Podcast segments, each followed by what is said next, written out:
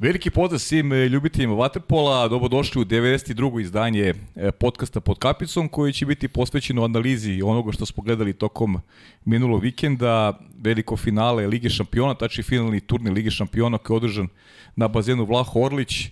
Do nam je zaista mnogo kvalitetnih utakmica, gledali smo spektakularno finale između Novo Beograda i Proreka. Nažalost, Novi Beograd nije uspeo da osvoji svoju prvu titulu, ali Uh, mislim da ćemo onako pamtiti po, po dobrom sve ono što što je viđeno na bazenu. Možda je poseta mogla da bude malo bolje ruku na srce, ali uh, da sada ne sitničarimo, da, da pričamo više o onome što, što je obeležilo taj turnir iz aspekta igre, iz aspekta onoga što, uh, što je video i moj dragi kolega, moj najdrži kolega, moram budem iskren, Nikola Rađen, čovek koji je oduševio svojim komentarima i mnogo pozitivnih uh, onako vibracija je stiglo sa svih strana vezano za ono što smo zajednički radili na bazenu 11. april. Ja moram da se zahvalim i koleginici Aleksandra Divojević koja je pripremila i materijal uh, za ovu emisiju koja je bila eto i deo našeg tima na bazenu i onako baš sam ponosan zbog svih lepih reči koje smo dobili, a Nikola je u krajnjem slučaju, mislim, u najavi ima, ima posao, koliko bude želeo da se bavi ovim, jer, e, kažem, ne postoji bukvalno ni jedna loša reakcija. Nikola, drago mi je što si gost podcasta po ko zna koji put i bit ćeš i ponovo i ajde neki, neki tvoj utisci svega onoga što smo prošli u tri dana pa ćemo polako da prolazimo utakmicu po utakmicu. Pa dobar dan svim gledalcima podcasta, dragi kolega, hvala na lepoj najavi. Prva stvar bilo je zadovoljstvo raditi sa tobom, prva, hvala. druga stvar bilo je zadovoljstvo biti deo Final 8-a i ajde kažemo, onako sa vrha tribina prenositi najbliže utiske gledalcima pored malih ekrana. Mislim da smo to jako lepo radili. Slažem se s tom da je bilo pozitivnih reakcija, što je mene onako oduševilo jer smo radili pravu stvar, tako da hvala tebi na pozivu, hvala tebi na onako malom nekom uvodu kako se to radi. Mislim, prošle godine jesam se oprobao u toj ulozi, mislim da je ova godina bila mnogo kvalitetnije i bolja. E, velika predstava u Beogradu, osam najboljih ekipa u Evropi, imali smo prilike da vidimo pregrašt dobrih poteza, zanimljivih utakmica, mm, nekih onako dosta čudnih odluka. E, ajde da kažem da je poseta u finalu bila izvanredna, da su tribine bile ispunjene do poslednjeg mesta, ali ok, tvoja konstatacija da je moglo da bude punije, možda je moglo, možda nije, ali sigurno su još neke stvari uticale na to, ali sada da ne ulazimo u da. analizu da. toga, generalno jedan onako pozitivan utisak sa moje strane celog Final 8 organizacije Vatrepolo kluba Novi Beograd koji to odradio na vrhunskom nivou. Imaćemo prilike i sledeće godine da gledamo najkvalitetnije, e, najkvalitetnije evropski vaterpolo na bazenima 11. april, tako da e, mislim da će da gledalci da nas i slušaju sledeće godine, koliko se, ako se ne varam. Da, slušat nas sigurno i opet od tvojih obaveza zavisi koliko će tebe slušati, nadam se da da će one biti značajno manje, tako da ćemo moći ovaj, češće i u tom regulnom delu sezone da, da se družimo i da svojim komentarima uh, onako doprinosiš uh, kvalitetnijem praćenju svih utakmica. Što se mene tiče, pa kolega, ja sam tu uvek na raspolaganju, tako da znaš. Super. A, a kako ćemo da krenemo? Ćemo krenemo znaš od... kako, ajde krenemo, znaš, ja, ja sam ovako zamislio da Uh, jedino, jedino iz kog kluba nemamo analizu, uh, negde mi je fajl nestao sa, sa Darkom Brguljanom, tako da nećemo čuti njegove impresije, ali Darko Brgoljan će biti gost ovog studija za neki 20 dana kad bude došao u Beograd. Tako da ajde da počnemo od tog prvog meča Breša-Hanover. Prvo četvrfinale, uh, očekivalo se da da Breša to pobedi, ali imam utisak da da su to radili lakše i lakše nego nego što što su se nadali, rekao bih i sami Hanover koji je došao sa osvojenim šampionskom titulom, ali prepostavljam da je problem Hanovera i taj što su unaprijed znali da eto sedmorica igrača već odlaze iz, iz ekipe. Pa da, otvaranje samog turnira m, Final 8 jeste da ima jednu posebnu težinu ekipe koje počinju, moraju da se naviknu i na ambijent uh, u bazenu i na ambijent van samog bazena. Realno očekivana pobeda Breše, nema to što da se mm -hmm. komentariše. Mnogo je to onako delovalo lako i rezultatski i u bazenu. Mislim da je onda posle toga, aj malo ću da pričam o Hanoveru. Može, slobodno. E, mislim da je onda posle toga Hanover zaigrao mnogo kvalitetnije, čak smo i ti ja prenosili tu utakmicu da su napravili totalni preokret u drugoj utakmici, razigrani Petar Muslim, razbranjeni o, Šenkel. Šenkel.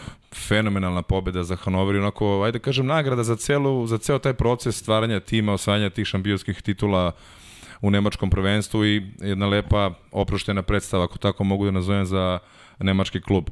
Imali su malo obeležavanje pre nekoliko dana, zahvalili su se njihovim vedetama koji su bili tu u klubu godinama, godinama.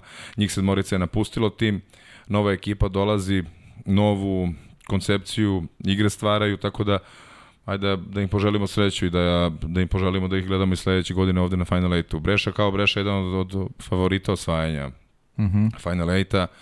Došli su onako dosta ambiciozno sa puni, puni samopouzdanja, ali možda ne dovoljno odmorni. Italijansko prvenstvo se ne, završilo neposredno pred sam Final 8 što nije opravdanje, što je projekt koji je bio prvak Evrope, tako? Mm -hmm. Ali sam uverena pobeda na početku i dobar start za, za Brešu. O, očekivalo se da će Breša doći daleko, mm -hmm. da će mhm. doći do finala. Mislim, realno, slušao sam i, i na bazenu razne trenere koji su predviđali da vide Brešu u finalu. Tako da, to, mislim, to se nije obestinilo, ali opet nisu napravili loš rezultat. Mislim da... No, ali oni su i pričali da dolaze po evropsku titulu. Imali su jasan stav da, da, osvoje, da osvoje titulu ovde. Jeste, ambicije su im bile velike, zašto da ne? Mislim da su s razloga imali te takve ambicije da su s, razlogom, s razlogom tako pričali i izjavljivali mm -hmm. to što su želeli da urade. Nisu uspeli u tome, nisu uspeli u tome, ali ovaj, mislim da treba da nastave tu gde su stali, da su na pravom putu, jer nije lako osvojiti ligu šampiona, nije lako biti prvi u Evropi, ok, rekao je to pošlo, pro, pošlo dva put za redom, rekao koji ima izvanredan, izvanredan sastav, ali ok, Breša je pokazala da može da napravi break u, u italijanskom šampionatu uh mhm. -huh. prošle godine gde su uzeli titulu od moćnog proreka. Da, ajde, pričat ćemo, imamo kasnije, imamo kasnije vremena, pričamo o Breši s obzirom da, da su igrali ono spektakularno polufinale s Novim Beogradom, da zaključimo neku tu priču sa, sa Hanoverom. Kažem, eto, izvinjavam se, nemamo izjavu Darka Brguljena, ali uh, bit ćete obavešteni na vreme kada će Darko gostovati ovde u studiju. Uh, mnogo igrača odlazi. U krajnjem slučaju Darko ide, Muslim idu zajedno u Rijeku. Winkelhorst, rekao si, ima ponudi iz Grčke, on se vraća svako u Holandiju, vidjet ćemo da će nastaviti karijeru. Uh, Julian Real ide, Matija Brguljan odlazi u Francusku. Uh, sad sam već neko zaboravio, Schenkel ide u Duisburg ili tako. tako. Tako da okosnica timu odlazi. Znamo da dolazi Hrvoje Benić iz Juga, popuno će biti drugačija ekipa u odnosu na, na, na prošlu godinu. Ili to je na tek završenu godinu? Pa iskreno rečeno, sedam igrača je puno kada nas, napuste tim. Bez mm. obzira kojih sedam dolazi. Tih sedam igrača je ispisalo, ajde da kažem, lepu stranicu istorije Vaterpolo kluba Hanover i donelo lepo lep, lep boravak u Evropi, ako tako mogu metaforički da kažem, i, pa, i Final, i Final 8 i prošle ove godine. Onako lep utisak i ja bih nazvao gospodina iz Hanovera Karsten, velikim, Karstena tako, velikim gospodinom koji je to uspeo da okupi i da ih onako familijarno drži tu na okupu. Jer čovek je pre, prevashodno to uradio iz ljubavi i napravio pravu stvar što je Oni su svoje ambicije zadovoljavali sa nemačkim prvenstvom, nemačkim kupom, što je bilo mm -hmm. sasvim, sasvim dovoljno i to se videlo po njima gledajući ranije sezone. U Evropi su gurali koliko su god mogli, čak su i jedne godine bili organizatori Final 8 završnog turnira u Hanoveru, što je bilo izvanredno organizovano. Mislim da sedam igrača kojih dolazi, to treba će vremena da se uklope. Pored e, Hrvoje Benića koji dolazi, dolazi Luka Lozina iz Grčkog Voljagmenija, e, šta smo još rekli, dolazi još, još par novih igrača, sad ne mogu tačno se setiti koja su da, imena, uh mhm. -huh. ali treba će vremena da proradi tih sedam novih igrača u koncepciji sa aktualnim Nemcima i aktualnim igračima koji ostaju u Hanoveru. Mislim da će tu veliku pomoć da, da pruži Peđa Jokić koji dalje sedi, sedi na klupi Hanovera, tako da njegovo iskustvo i njegovo znanje sigurno će do, do, da doprinese da adaptacija i sama koncepcija igre bude što prihvatljivije i da se što brže, da kažemo, našteluju za ta evropska očekivanja. Mislim, sad pričamo generalno o Evropi, pa Naravno. za ta evropska očekivanja. Mislim da moje mišljenje da će u Nemačkoj ponovo biti neprikosnoveni, pošto je nešto slabiji, slabiji tim Špandova koji je se ove godine i, i on promenio, promenio i trenera. Mislim da Špandovu dosta slabije kupovo ovo leto, Tako da očekujem ponovo dominaciju Hanovera u nemačkom prvenstvu. Mm -hmm. Uz eto Duisburg koji će biti bolji, Špandov, dakle nemačka liga možda bude interesantnija nego što je bila u Da, ja sam bacio akcent na ove, nove okay, prve dve ekipe da. evropske, ali da, u Duisburg dolazi i Schenkel, dolazi Julian Real, tako da i to će biti interesantno. Možda i one mogu da pomrse račune na nekom kupu ili završnici kupa uh, Špandovu.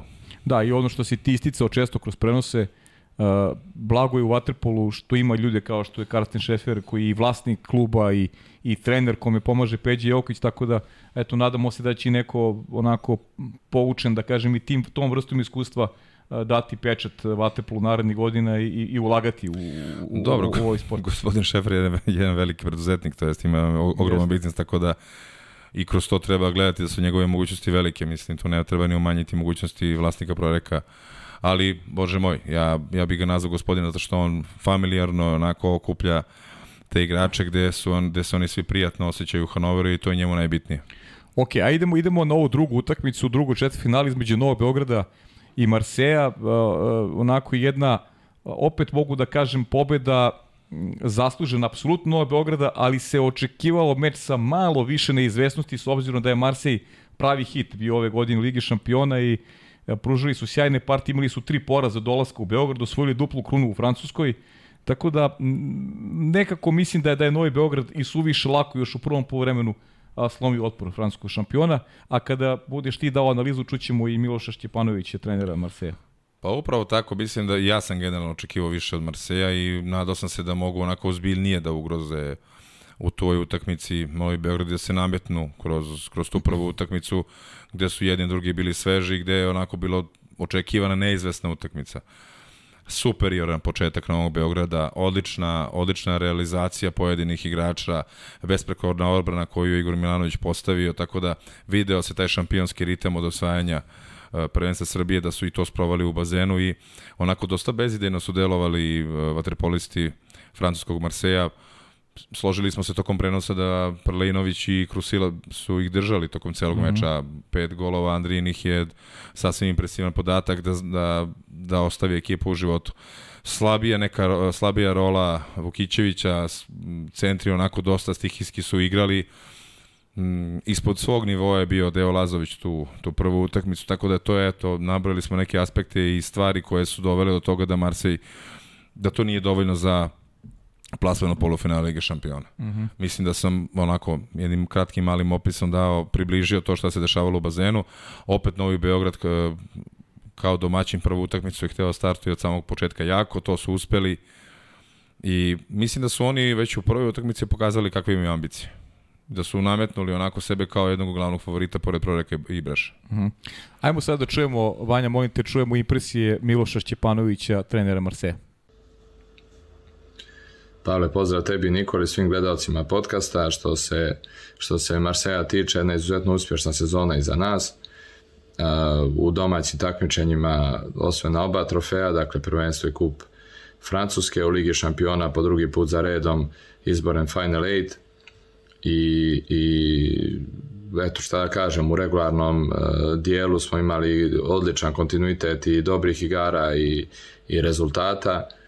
E, činjenica je da u četvrtfinalnoj utakmici nismo bili na nivou tih partija iz regularnog dijela i to je jedina stvar koja onako malo smeta u inače perfektnoj sezoni. E, I da jesmo odigrali pitanje šta bi to donijelo u rezultatskom smislu, tako da e, jedina, zaista jedina stvar koja, koja donekle smeta, to sam negdje u najavi te utakmice i rekao da bi volio da budemo na nivou ili iznad nivoa naših najboljih igara iz regularnog dijela nismo u tome uspjeli i, i, i to je to. E, međutim, ka kažem, ponavljam sve u svemu, sjajna sezona iza nas. E, posebno kada to sve stavimo u kontekst eto, napredovanja i sazrijevanja Marseja kao ekipe i pozicioniranja Marseja na evropskoj sceni. Tu je urađen veliki po meni posao i da li ćemo napraviti sledeći korak zavisi od mnogo faktora, u svakom slučaju klub je izuzetno motivisan i radimo na tome. Što se uh, tiče Final 8 i pobjednika ovogodišnjeg izdanja Lige šampiona i Proreka, mislim da je zaslužena definitivno zasluženo je Proreko osvojio tu titulu, imali su jednu stabilnost i kontinuitet igara tokom čitave sezone. Uh, Novi Beograd takođe, eto, imali su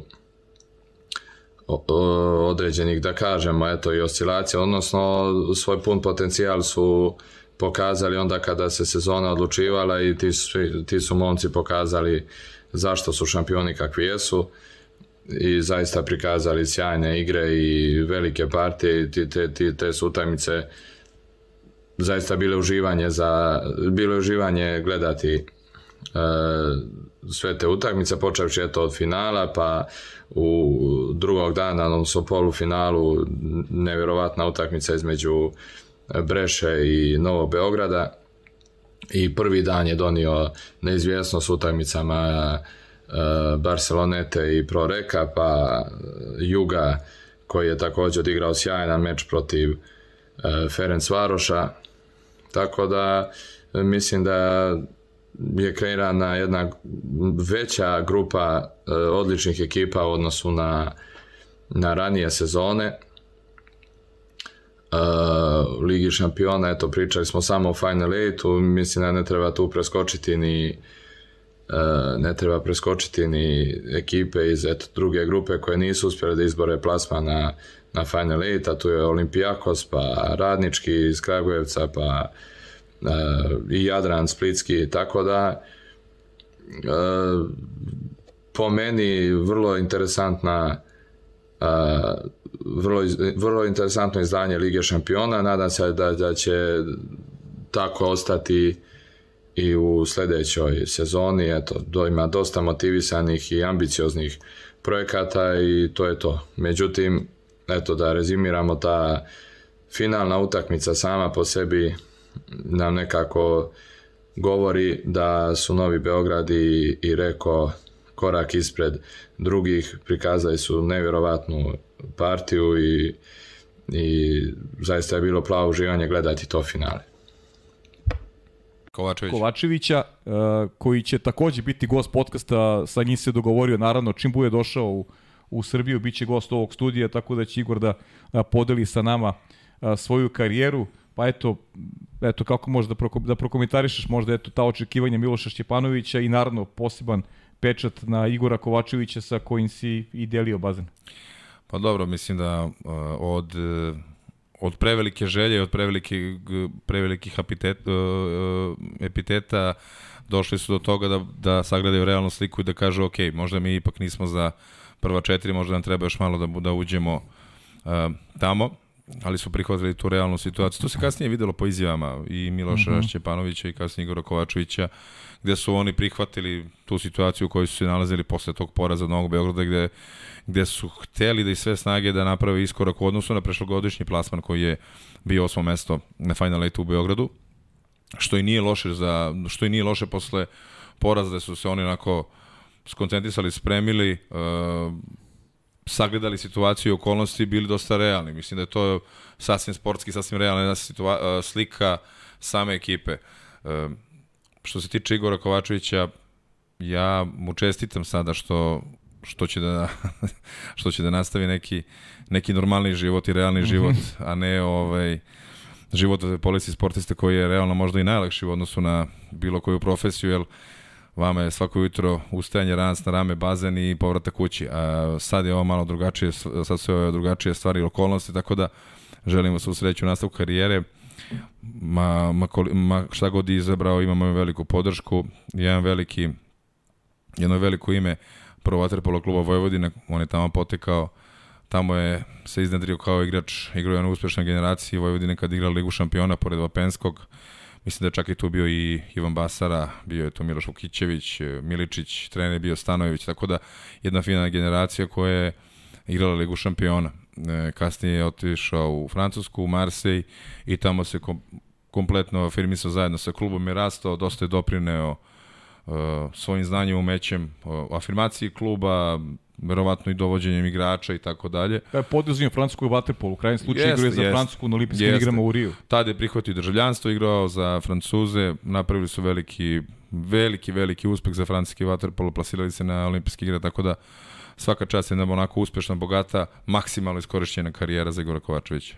Da, to je to, to je to je neka ajde da kažemo analiza e, onoga što je uradio uradio Marsi, mada ćemo na kraju emisije imaćete priliku da čujete i impresije i Andrije Pralinovića.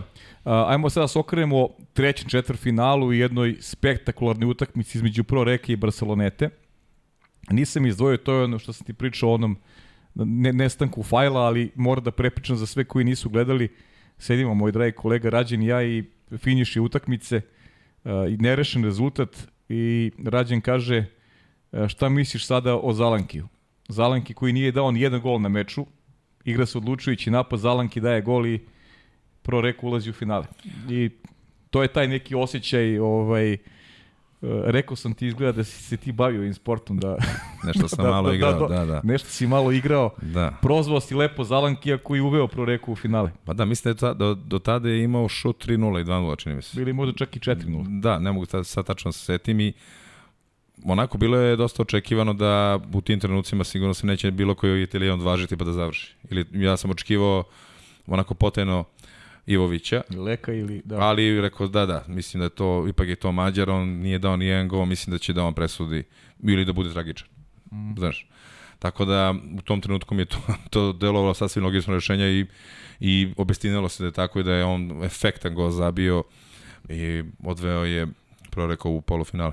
Da, a šta mi ćeš reći, to te možda nisam pitao tokom prenosa, nešto smo kasnije razgovarali, odluka Elvisa Fatovića da Agire brani tu utakmicu, Lopez Pineda koji se oprašta, koji je veliki golman, sjajno je branio to meču kasnije za, za peto mesto, ali u takvoj utakmici da ni jednom Lopez Pineda ne dobije, ne dobije priliku u Agire, nisam baš sigurno da ostavio neki impresivan utisak na, na, na meču sa Prorekom. Pa, onako, dosta čudna odluka. Iskreno ti kažem, mene iznenadila. Ja sam očekivao Pinjeda u, u sastavu, pogotovo protiv Proreka. Bez obzira na bilo koje okolnosti, da li završava karijeru tako dalje. Jer to je utakmica koja to je utakmica života. Znači vi ste ceo, celu godinu trenirali da biste odigrali tu utakmicu, pogotovo protiv Proreka. To je Real Madrid u, u Waterpolu. Tako je. E, on, je on je postavio mlađe golmana koji se baš i nije dobro snašao. Je, uh, Barcelona je tu utakmicu igrali izvanrednu odbranu. To smo mhm. komentarisali zajedno i uočili smo da su bili, sjajni. znači telima su branili go rukama, znači uvek je u trenutku šuta bilo 3-4 ruke, znači kroz šumu ruku je jako teško dati go, pogotovo igračima i prorek. I zbog toga su imali aktivan rezultat do samog kraja, ali eto i na tom samom kraju koliko je bitno to da imate, ajde da kažem, iskusnog golmana, afirmisanog golmana koji Jel drugačija je percepcija napadača kada vidi iskusnog golmana ispred sebe i tako dalje? Jeste. Mm. Drugačije je to, mislim. E, drugačije je i, i, i shvatanje i prihvatanje lopte i mah i sam napad na go i ima tu do, još dosta elemenata koje menjaju situaciju, koje menja celu sliku, mislim. U odlučujućim šta znači golman, ako pogledamo unazad, f, e, završnica turnira, Ligu šampiona, koliko su bile bitne odbrane golmana. Znači, možemo da nabrojimo od od, e, ne znam, Slobodana Sora sa Partizanom, od Denis, Denisa Šefika sa Crvenom zvezdom, Josipa Pavića sa Olimpijakosem, i Tempestija sa... Znači, to su mnogo, mnogo bitne te odbrane e, golmana koje utiču na samu na sam rezultat i na samu ekipu. Vama u odlučujućim trenucima treba dve, tri kvalitetne odbrane golmana da bi uradili ono što je najbolje i najveće u, ovom, u Waterpolu, to je osvajanje Liga šampiona. Da, te Barcelona stvarno igrala sjajno i o, o, odlično je u jednom momentu i kontrolisali, imali su i i 7-5, to što je Sandro Sukno radio oko 7-5, on je on je menjao svog prvog golmana Marka De Lunga, uveo je uveo je Negrija, Negrija koji da. da, koji jedno neki 4-5 minuta nije primio gol, ali opet to je e, pazi, ja nisam igrao, to, to je tebi da pričaš. E, kao da se negde i obrana pro reka kad izašao uh, uh, prvi golman De Lungo, kao da su se i oni onako da kažem skupili i a, znaš da ne imao na kraju recimo dve odbrane. Imaju tri odbrane i dve prečke. I dve prečke. Da. Obrana pro reka je odigrala sjajno. Kao da su oni nekako grupisali uh, ulaskom Negrija, kao da su oni dobili poruku da moraju da budu aktivniji pre svojim golom. Ja sam to makar tako video, ne znam, ne znam kako ti doživljavaš tu, tu celu priču. Pa oni su, oni su na, na, kraju, na kraju te utakmice prva stvar što su stavili Le, Leko Ivovića na beka. Znaš i sam mm -hmm. da je mhm. posljednje 4 minuta Leka stavio na beku i da to izgledalo mnogo, mnogo sigurnije i dominantnije nego tokom cele utakmice. To smo razgovarali da su sada treneri počeli da prave rotaciju izmenu u odnosu na sudijske odluke i broj isključenja koji ih očekuje, jer su oni već unapred verovatno pripremili scenarij utakmice kako će da ide. Leka je stao na beka, Negri je stao na go, e, sigurnija odbrana proreka, samopouzdanje igrača proreka jer znaju ko stoji, ko stoji na beku uh mhm. -huh. i onda su hteli, ajde da kažem, i samim tim angažovanjem da podršku daju Negriju koji je ušao sa klupe. I onda su se desile dve prečke, tri odbrane, što je bilo dovoljno da oni, ajde da kažem, e, taj psihološki moment prelome u svoju korist u odbranu. Mhm. -huh. I napad Barcelone koji je tada onako malo štucao, ajde, žargonski rečeno, ili stao, gde se videla razlika. Mhm. -huh. Gde se videla velika razlika. U odnosu na prvi deo, to jest prve tri četvrtine i poslednju četvrtinu ili ti poslednjih pet minuta igre odbrane proreka. Uh -huh. e, velika zahvalnost e, legendi svetskoj vatrepolu Filipu Peroneu koji se odazvao naš poziv, tako da evo čućite i njegove impresije turnira i onoga što uh, Barcelonetu očekuje naredne godine. Ćao Pavle, ja mislim ovaj turnir je bilo super. Organizacija je bilo izuzetna, e, sve super funkcioniraju, a utakmice su bili sjajne, pogotovo ova naša prva utakmica protiv Proreko, mislim puno ljudi su rekli da je bilo jedna od najboljih utakmica. Naravno, mi smo očekivali da dobije, ali je Proreko, oni su super ekipa, mislim da mi smo igrali super ali oni realno imaju više širinu i, i su sve svetske a, zvezde, onda nije, nije to lako. Ali imate ovo utakmica Novi Beograd Breša koja je bilo isto izuzetna utakmica i finalo mislim je bilo puno emocija. A, mislim samo negativno je bilo da nisu bili puno ljudima na utakmica. To je malo onako, ali ne znam zašto, ali mislim da puno ljudi su gledali preko televizije internet, to je isto dobro i, i izađemo od ova turnir sa ova osjeća da, da mi smo ko Barceloneta igrali najbolje što smo mogli e, i, da, i da idemo dalje, razumeš da sada a, za sledeće godina će doći a, Ružeta Uj, dođe ovaj, vjerojatno Duša Matković i, i jedan, jedan, još jedan mladi igrač.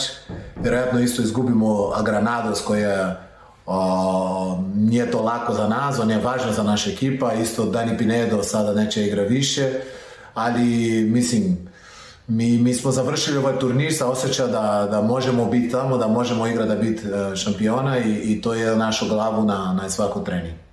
Ništa, hvala vam puno za sve, bilo je sve super u Beograd i, i vidimo se u svetskom prvensku.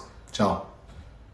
Nikola, čuli smo uh Perone je sam najavio eto tri nova igrača u Barceloneti naredne godine. Ono što je najveća promena odlaza Granadosa, Duša Matković, crnogorac iz, iz Primorca, on menja menja Granadosa i eto kako vidiš tu promenu i ono što sam čuo od mnogih ljudi i i na bazenu taj nedostatak Barceloneti onako neko kvalitetnog levorukog igrača, ta desna strana rekao bih E, onako dosta pravila problem, pogotovo u nekim, nekim završnicama napada Paviljar, rekao bih da nije igrač koji, koji može da donese, da donese neku, neku objektivnu prednost.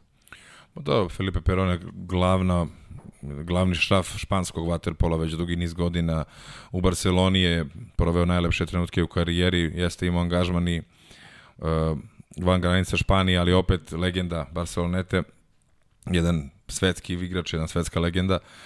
E, sve rekao kako treba. E, opet e, povećanja u vidu Matkovića koji je došao iz Primorca.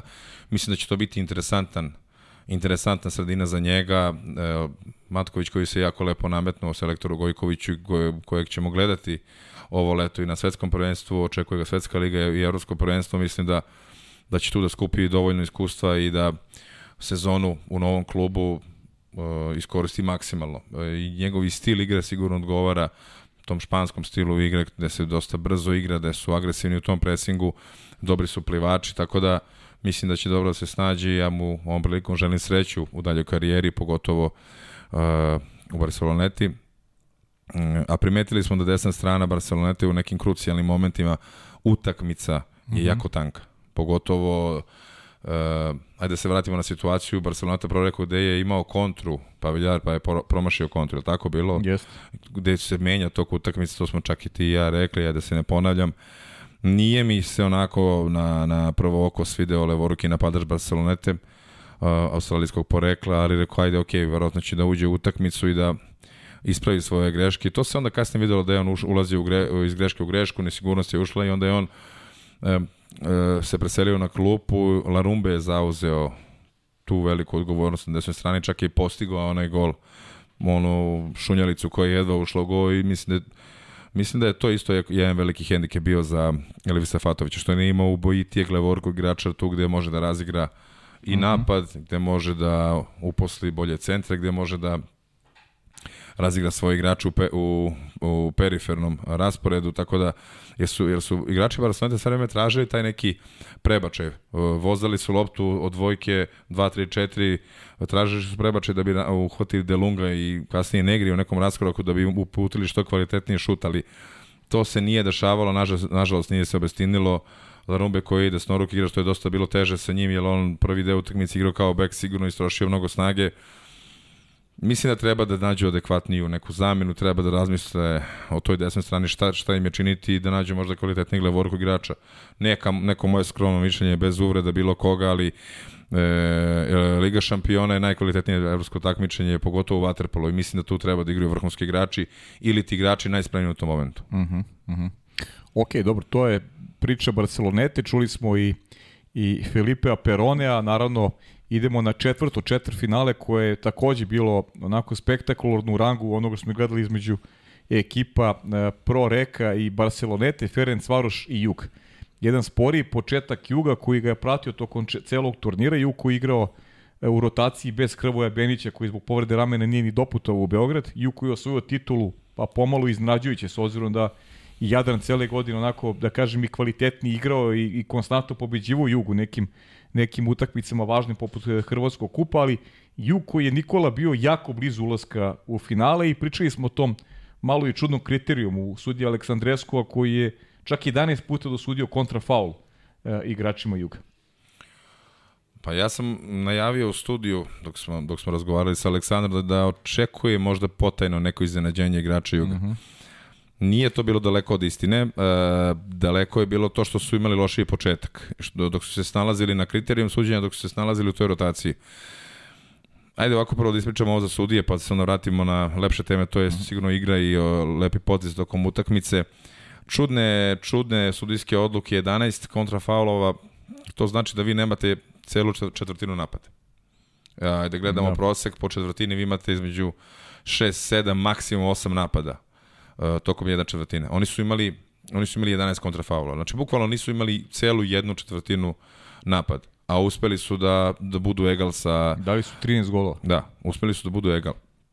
E, ono što bih izdvojio e, igru Juga i e, kod, e, kod trenera Vjekoslava Koberšćaka, to je sigurno jako dobra koordinacija e, grčkih igrača, sa Kakarisem koji je bio izvanredan ovaj turnir. O, sjajno igrao, da. Koji je bio izvanredan ovaj turnir, mislim da je on stvarno pokazao da će da bude klasa.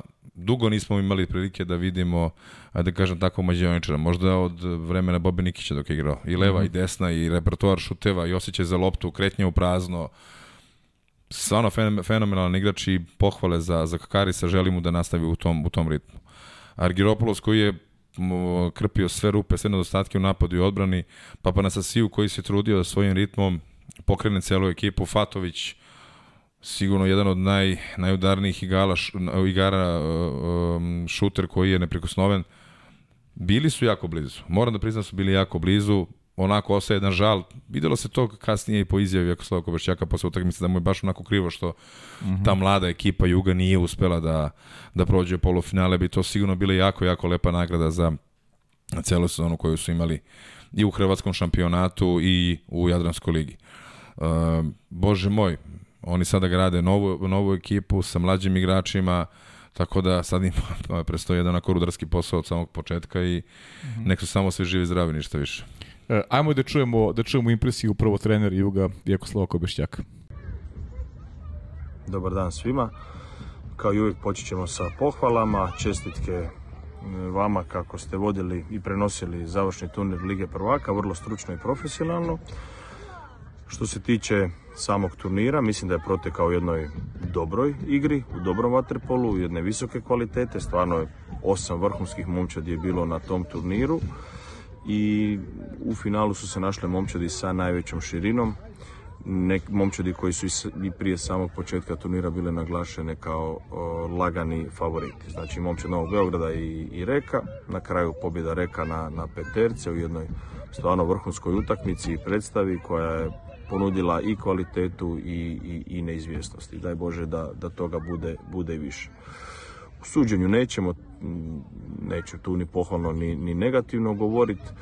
E, sam sistem natjecanja naravno ovog finalita po meni i po većini nije dobar, to je previše momčadi i previše utakmica u premalo vremena. E, sa nekakvim razumnim načinom natjecanja i druge momčadi bi dobile veću šansu za, za osvojiti. E, prema tome, nadam se da će tu biti određenih promjena, o tome se i govori, možda ne sljedeće godine, ali, ali za, za dvije godine. Nastup e, Juga na ovom turniru, bili smo osmi, samim time nećemo reći da smo, da smo zadovoljni, ali ni, po meni nema prevelikog nezadovoljstva zato što smo probali zadržati nivo naše forme koja probali smo kao što sam rekao zadržati uh, nivo naše igre iz, iz finalne serije i tome smo donekle i uspjeli. Bili smo konkurentni protiv Ferenc Varoša, problem je što smo krenuli vrlo loše, ali u, u sve tri utakmice na, na turniru smo krenuli loše, onda smo se morali kasnije vaditi, gubiti više snage i mm, nastupili smo bez Hrvoja Benića, tako da smo morali mijenjati taktiku u posljednjih 24 sata pa sa jednog presinga se prebacili više na zonu i tu, tu jednostavno protiv Mađara nismo, nismo uspjeli. Ali što je tu je, poslije su dobili i mladi igrači naši šansu do kraja turnira i nadam se da će to biti neki zalog za budućnost i da ćemo biti na Final Eightu i sljedeće sezone. Čuli smo Nikola i, i Vjeku koji će imati obaveze tokom leta i sa francuskom reprezentacijom, a bit će tu pos, dosta posla i u jugu s obzirom da Papanastasiju ide u Olimpijakos, da Argeropoulos je već predstavljen kao počanje Ferenc Varoša, rekli smo Hrvoje Benić idu u Hanover, za sada jug nije dovoljno jedno pojačanje, naravno da, da ih čeka ta dopunska selekcija, ali imaju igrače koji, koje Vjeko afirmisao već onako godinama unazad, ja bih istakao Marka Žuvelu koji je već na, na spisku selektora Ivice Tucka, jedan zaista sjajan igrač koji će u budućnosti onako biti veliki rival i naravno sa srpskim igračima, s ovom, ajde da kažem, novom generacijom koja, koja e, će dobiti priliku na, sada na svjetskom i nedeljskom prvenstvu. Pa dečko je stvarno odigrao ovaj turnir odlično. Mm, iskoristio svaku šansu trenera Koberšćaka, opravdao je svaku, opravdao očekivanja na svakoj poziciji koje, gde, gde je igrao, gde ga je Vjeko postavio. Što u napadu, što u odbrani. To moram, to moram da kažem i mislim da je to jedan lep zalog za budućnost, što za hrvatsku reprezentaciju, mm što za ekipu Juga. Hakaris i Toni Popodić ostaju, uh, pored e, Fatovića, ali tako? Tako je. Mislim da će to biti... Mislim ona... da će i Maro Joković igrati sledeće godine. Da, da. Mislim da će ta četiri igrača će biti kostur ekipe i da pored ta četiri igrača sigurno može bilo ko da dođe iz, iz jugove škole Waterpola i da će se afirmisati kroz 3 do 6 meseci na igru, na igru. Sama filozofija Juga je jako jednostavno i ona je tradicionalno postala godinama i mislim da pored takvih igrača neće biti problema mlađim igračima da se adaptiraju na nove uloge i na nove, nove očekivanja. Uh -huh.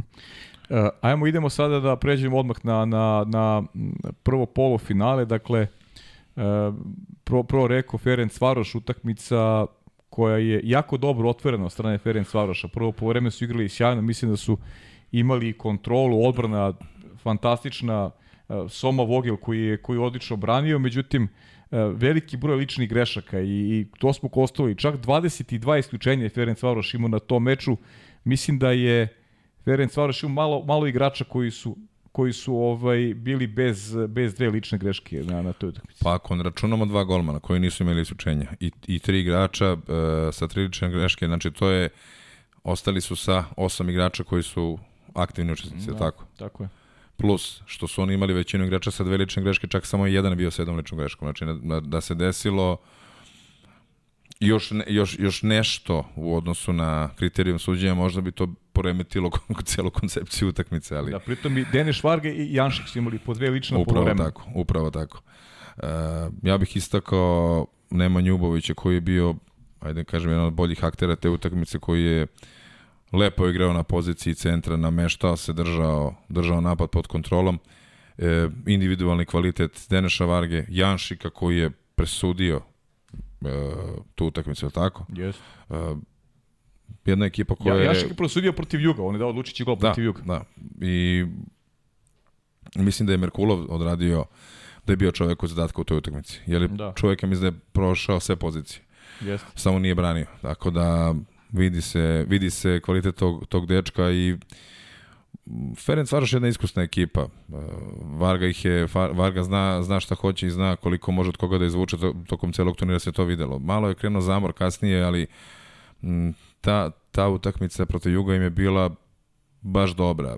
Mali pad u trećoj četvrtini, pa onda e, priključak u četvrtoj, ali ništa strašno. Oni su bili toliko samouvereni da, da je Janšik dao go, mislim, iz kontranapada, tako. Jedan jedan deo ostao yes. sam i, i triumfovao Ferenc Varoš bukvalno zbog, samo zbog tog gola. Ali iskoristili su, to jest našli su se najbolje u odnosu na Jug su se snašli bolje u toj sudijskoj uh, mani uh, arbitara koji su kreirali da, da. kreirali taj susret. Da, ali protiv Reka, kažem, protiv Reka taj drugi, ta druga aha, poreme, aha. protiv Reka to drugo poreme sa veliki broj ličnog grešaka u polufinalu, mislim da ih je to malo, malo sputalo. Kad imaš dva jaka štiha, kakvi su Denje Švarga i, i, i Silard Janši koji su morali da, da budu oprezni u bazenu. Neko je s početka treće trećine e, pro Reko počeo da, da, da, da taj e, otpor e, onako Ferenc Varoša uvodi u, u, u neku, da kažem, relativno i mirnu završnicu. Da, dobro, Proreko zna kada treba da iskontroliše protivnika i oni bukvalno čekaju taj kraj četvrtine da bili Leka Jović stao na beka, da bi, budi, da bi bili sigurni i da bi imali više samopouzdanja i u odbrani. Uh mhm. -huh. Bez obzira na sve. Oni imaju kvalitete individualce, to se i videlo.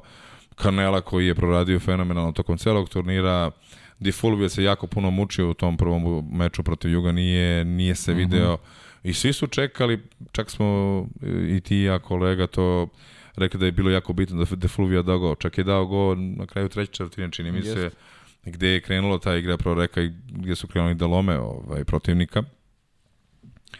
Mm, mislim da je to mislim da je to bilo dosta dosta vidljivo, dosta vidljivo i umor je prevladao prevladavao u redovima mm, Ferenc Varoš, ali Mislim, e, je utakmica počela tako što su centri dali dva gola, tako? Jeste, jeste. Nema prvo je dao Nemanja Ubović Nemanja, gol tako je. Sa, sa dva metra pa onda Halok. Znači jest. utakmica počinje sa golovima sa centara iz žive igre, što je onako meni je bilo čudno da je polufinale Lige šampiona. Mislim, to realno ne treba se dešava ako hoćete budete da. konkurentni za, za samu pobedu. Tu, tu je Sandro napravio jednu izmenu u odnosu na prvi meč. Zeno Bertol je dobio šansu, bek ni igrao Icardi, a Icardi je bio ispred nas. Tako je. Tako je.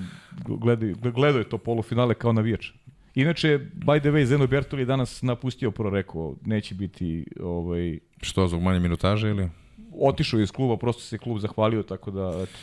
Pa dobro, čovjek, Sve, osvo, osvojio, čovjek, osvojio čovjek ligu šampiona i otišao gospodin. Pa, ovo je svaka čast. Da, dosta je, ajde ovako, ja bih malo posmatrao šire, šire ceo turnir. To smo diskutovali i, i, i vi ja kolega da Ja ne znam da li neko iz neko je primetio možda da su svi igrači prošli sve pozicije. Ajde kažem sve, sve malo o, karikiram, ali imali smo čudne situacije kako Luka Lončar igra beka, kako uh, Verno igra beka, Bodegas. Ka, uh, Bodegas igra beka. Ok, Bo, Bodegas je još prihvatljivo, ali Luka Lončar koji je klasičan centar. Da. Verno koji je klasičan centar. Čak se Verno i lepo snašao u onim situacijama u spoljnom ligu gde je dao dva, tri gola. Uh -huh. uh, Zar to nije čudno da, zamislite sada vi da, da Stef Karija stavite na poziciju centra. I on kao igra centra. I kao to je sve okej okay, sudijama i celoj NBA organizaciji, to kao, evo ga, dečko, vi zakucava. Mislim, mm. Kapiram, što to, da. govori, to govori da da su sva očekivanja Lena i sudijske organizacije prevaziđena i bukvalno ne postoje u stvari. Mm. Nije bitno ko gde igra, bitno je da se ispune neke kvote, bitno je da se zadovolje neke, neke, neki brojevi, što je možda onako bez veze. Ipak imamo završen turnir Lige šampiona. Najkvalitetnije igrače koji e, treniraju, koji su plaćeni, koji su došli u Beograd da, da se prikažu što boljem svetu. A onda vidimo da Sandro Sukno i ostali treneri e, žrtvuju pozicije igrače, imena, velika imena uh, svetskog vaterpola da bi zadovoljili uh, brojeve na semafor, odnosno isključenje. E, to je deo priča koji ćemo da ostavimo za kraj, ali imamo i tu jednog sagovornika koji će malo da nas uvedu nešto što mogu da budu poticijene promene. Ja bih volao da sada čujemo čoveka koga si apostrofirao, koji imao sjajnu godinu, mnogi će reći najbolju sezonu u karijeri, centar Ferenc Varoša koji ostaje u Budimpešti naredne godine, Nemanja Ubovića.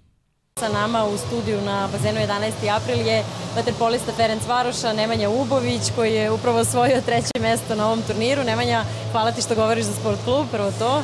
I za početak čestitam na, na osvojenom trećem mestu. Kako se osjećaš? Je sad malo pao onako neki teret i jel je uvek lepo završiti turnir pobedom? Pa jeste, kako ne. Hvala ti pre svega na čestitkama. Naravno da je lepše završiti turnir pobedom nego porazom. E, mislim da smo stavili ovim trećim mestom krunu, da je ovo kruna karijere, jer stvarno smo imali jednu sjajnu sezonu i stvarno bi bila šteta da, da smo završili ovaj turnir na četvrtom mestu, ali eto, e, posle jučerašnjeg poraza smo kupili snage da, da odigramo dobro danas i eto, osvojili smo treće mesto, ogroman uspeh za klub. E, ne samo da ste osvojili treće mesto u Ligi šampiona, već ste osvojili duplu krunu e, u Mađarskoj. Videli smo tu i koliko imate strastvene navijače, koliko ste e, njima važni i važni uopšte za, za, za sredinu u kojoj trenirate i igrate. Koliko sada kada pogledaš, onako, kada probaš da rezimiraš sezonu, koliko si ti lično zadovoljan i, i cela organizacija i klub?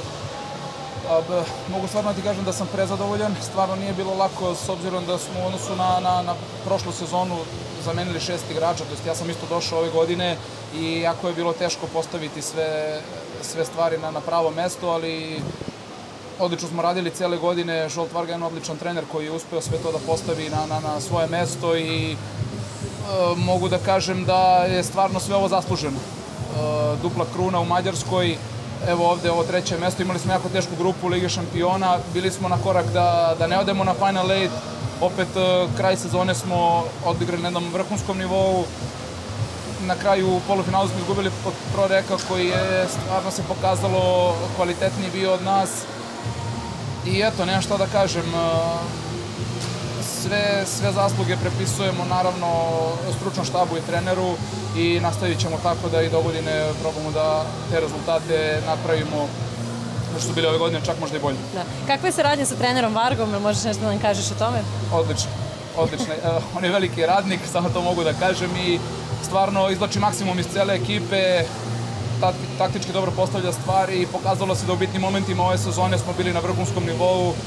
To je jedan pokazatelj koliko je dobar trener i Koja utakmica tokom sezone e, po tvom mišljenju bila prelomna za vas? Od koje ste krenuli da igrate konstantnije i bolje?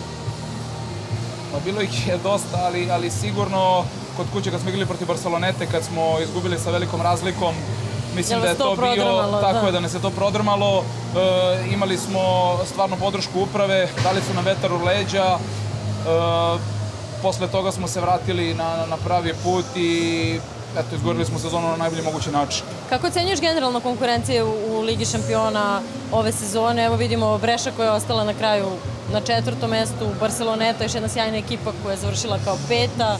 Deluje da onako su a, na početku turnira sve ekipe bilo u igri za, za finale ili polufinale. Olimpijakos koji se nije ni plasirao na Final 8, mislim stvarno prejaka konkurencija. Ja evo stvarno dugo godina igram Evropu i ne znam da li je ikad bila jača grupna faza Lige šampiona i generalno Liga šampiona da eto Hanover je pobedio Marsej u kvalifikacijama za petog do osmog mesta tako da radujem se što će sledeće godine biti tako jaka konkurencija zato što nam to pomaže da budemo bolji jer svi volimo ovakve utakmice da igramo i eto.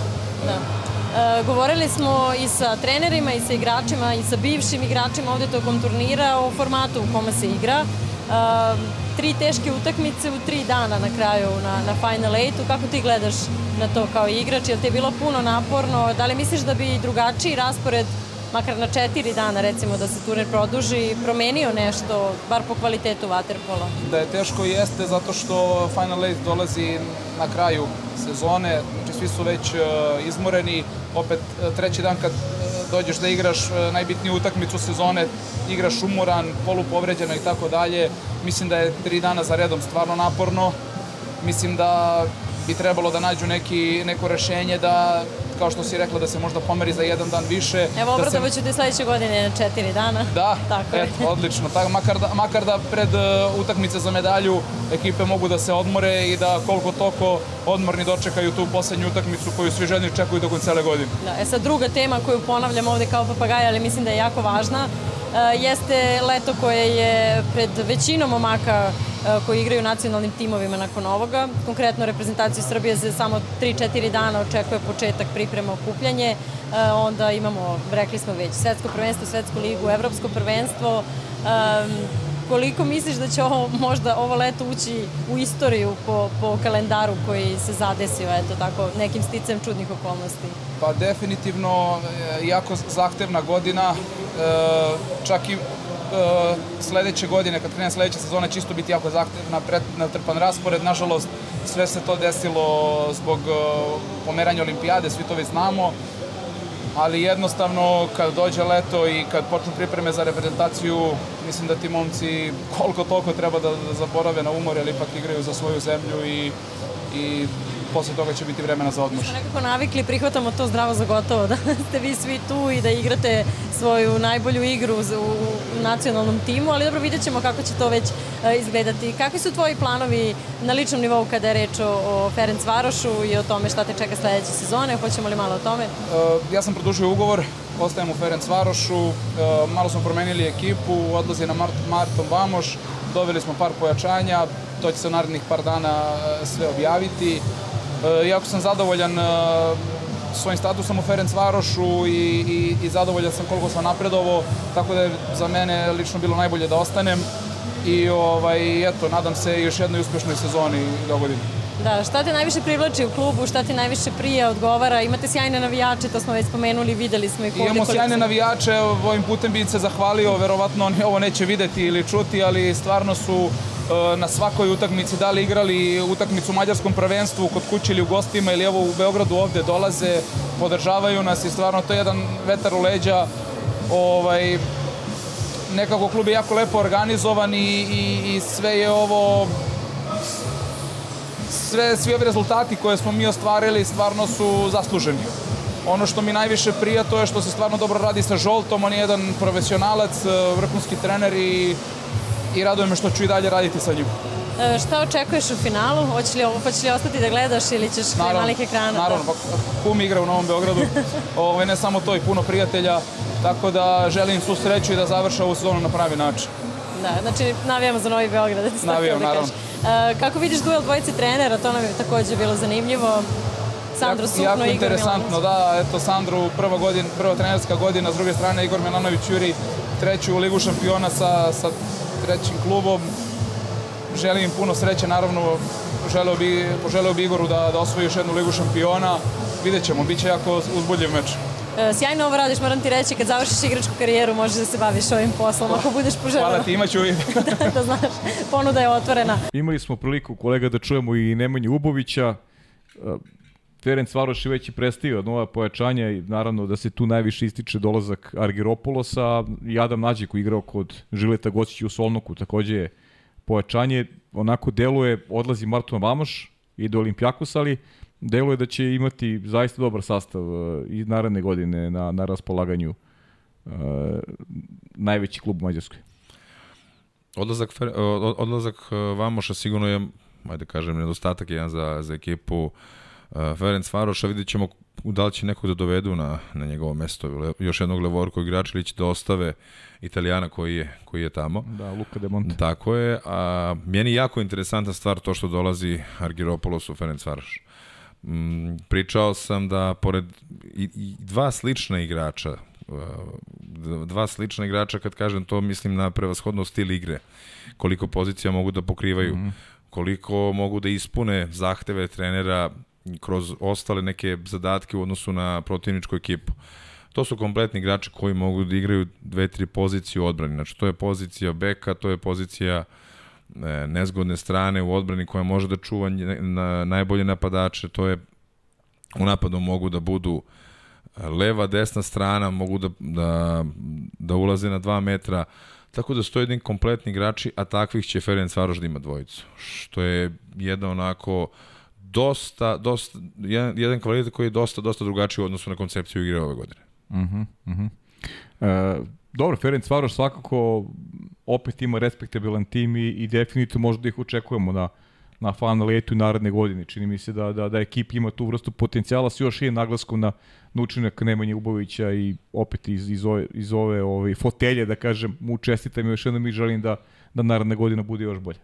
Takođe se pridružio čestitam, dragi kolega, ali Nemanja igra jedna od boljih sezona sigurno u svojoj karijeri, tokom cele godine je bio odličan. E,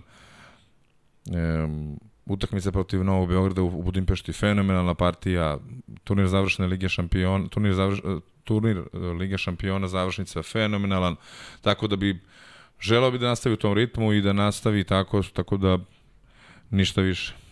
Ok, idemo, idemo, idemo Nikola na to drugo polufinale koje je onako donelo jednu buru emocija i na bazenu i, i kasnije izvan bazena, zaista spektakl pravi Breša drugi put za redom igra polufinali, drugi put za redom gubi gol razliku, gol razliku. Pro, prošle godine od Ferenc Varoša imali su gol za ostatka, ni igrao ni Disoma tada, pričali smo o tome da je Breš imala malo i, i, i pehova, prošle je neko osvojenje šampionske titule, ove godine e, Novi Beograd Breša, jedna spektakularna utakmica, začinji na onim pogodkom Vlahopulosa u završnici, pre toga Tešanović koji daje gol, akcija koju je Bovo očigledno planirao i nešto što se, što se vežbalo i na kraju Tešanović pogodio kroz dve ruke i Vlahopulos možda je mogao čak Tešanović i Boj da interveniše, ali, ali ovaj, sve to je dalo, mislim da je bila prava prezentacija uh, Waterpola i da ljudi koji možda nisu gledali kao i dali šansu, aj hoću pogledam ovaj meč, da su posle toga rekli, pa čekaj, ovo, ovo mora da se gleda. Dobro, ti kolega stvarno misli da su oni vežbali da pa Tešanović da, ispliva i tako. Pa ne, ali, ali ja mislim da, da, je, da je ono bilo, da je ono bilo, uh, da je ono Bovo želeo, da, da, da Tešanović šutira. Zadatak i želje jesu jesu bili sprovedeni, ali mislim ne, nisam baš siguran koliko su vežbali. Evo onako Aha, to, neko, pa dobro. neko moje skromno mišljenje, ne želim da umanjujem vaše vaše znanje, nego znaš, mi, moje prepoznaku, ne znanje. da, ima mnogo bitnih stvari koje se vežbaju na bazenu, ali okej. Okay. Dobro. E, jedna utakmica koja je jako bila bitna za Novi Beograd. Iz, iz kog aspekta tog priča? E, tokom cele sezone, turbulentna sezona za Novi Beograd, velike ambicije, organizovan klub, onako je da kažemo, pa onda je, onda je nastoji pritisak uh, od strane uprave, menjanje trenera, doveli su na kraju Igora Milanovića, sad tu se tražila prava igra kod Igora gde bi se oni adaptirali ekipa na trenera i trener na ekipu i tek je to proradilo u utakmici protiv Breše, kad su mm. oni pobedili. Zašto to govorim? celu utakmicu je to mm, Breša imala blagu prednost. Oni su to uglavnom vijali i tako dalje.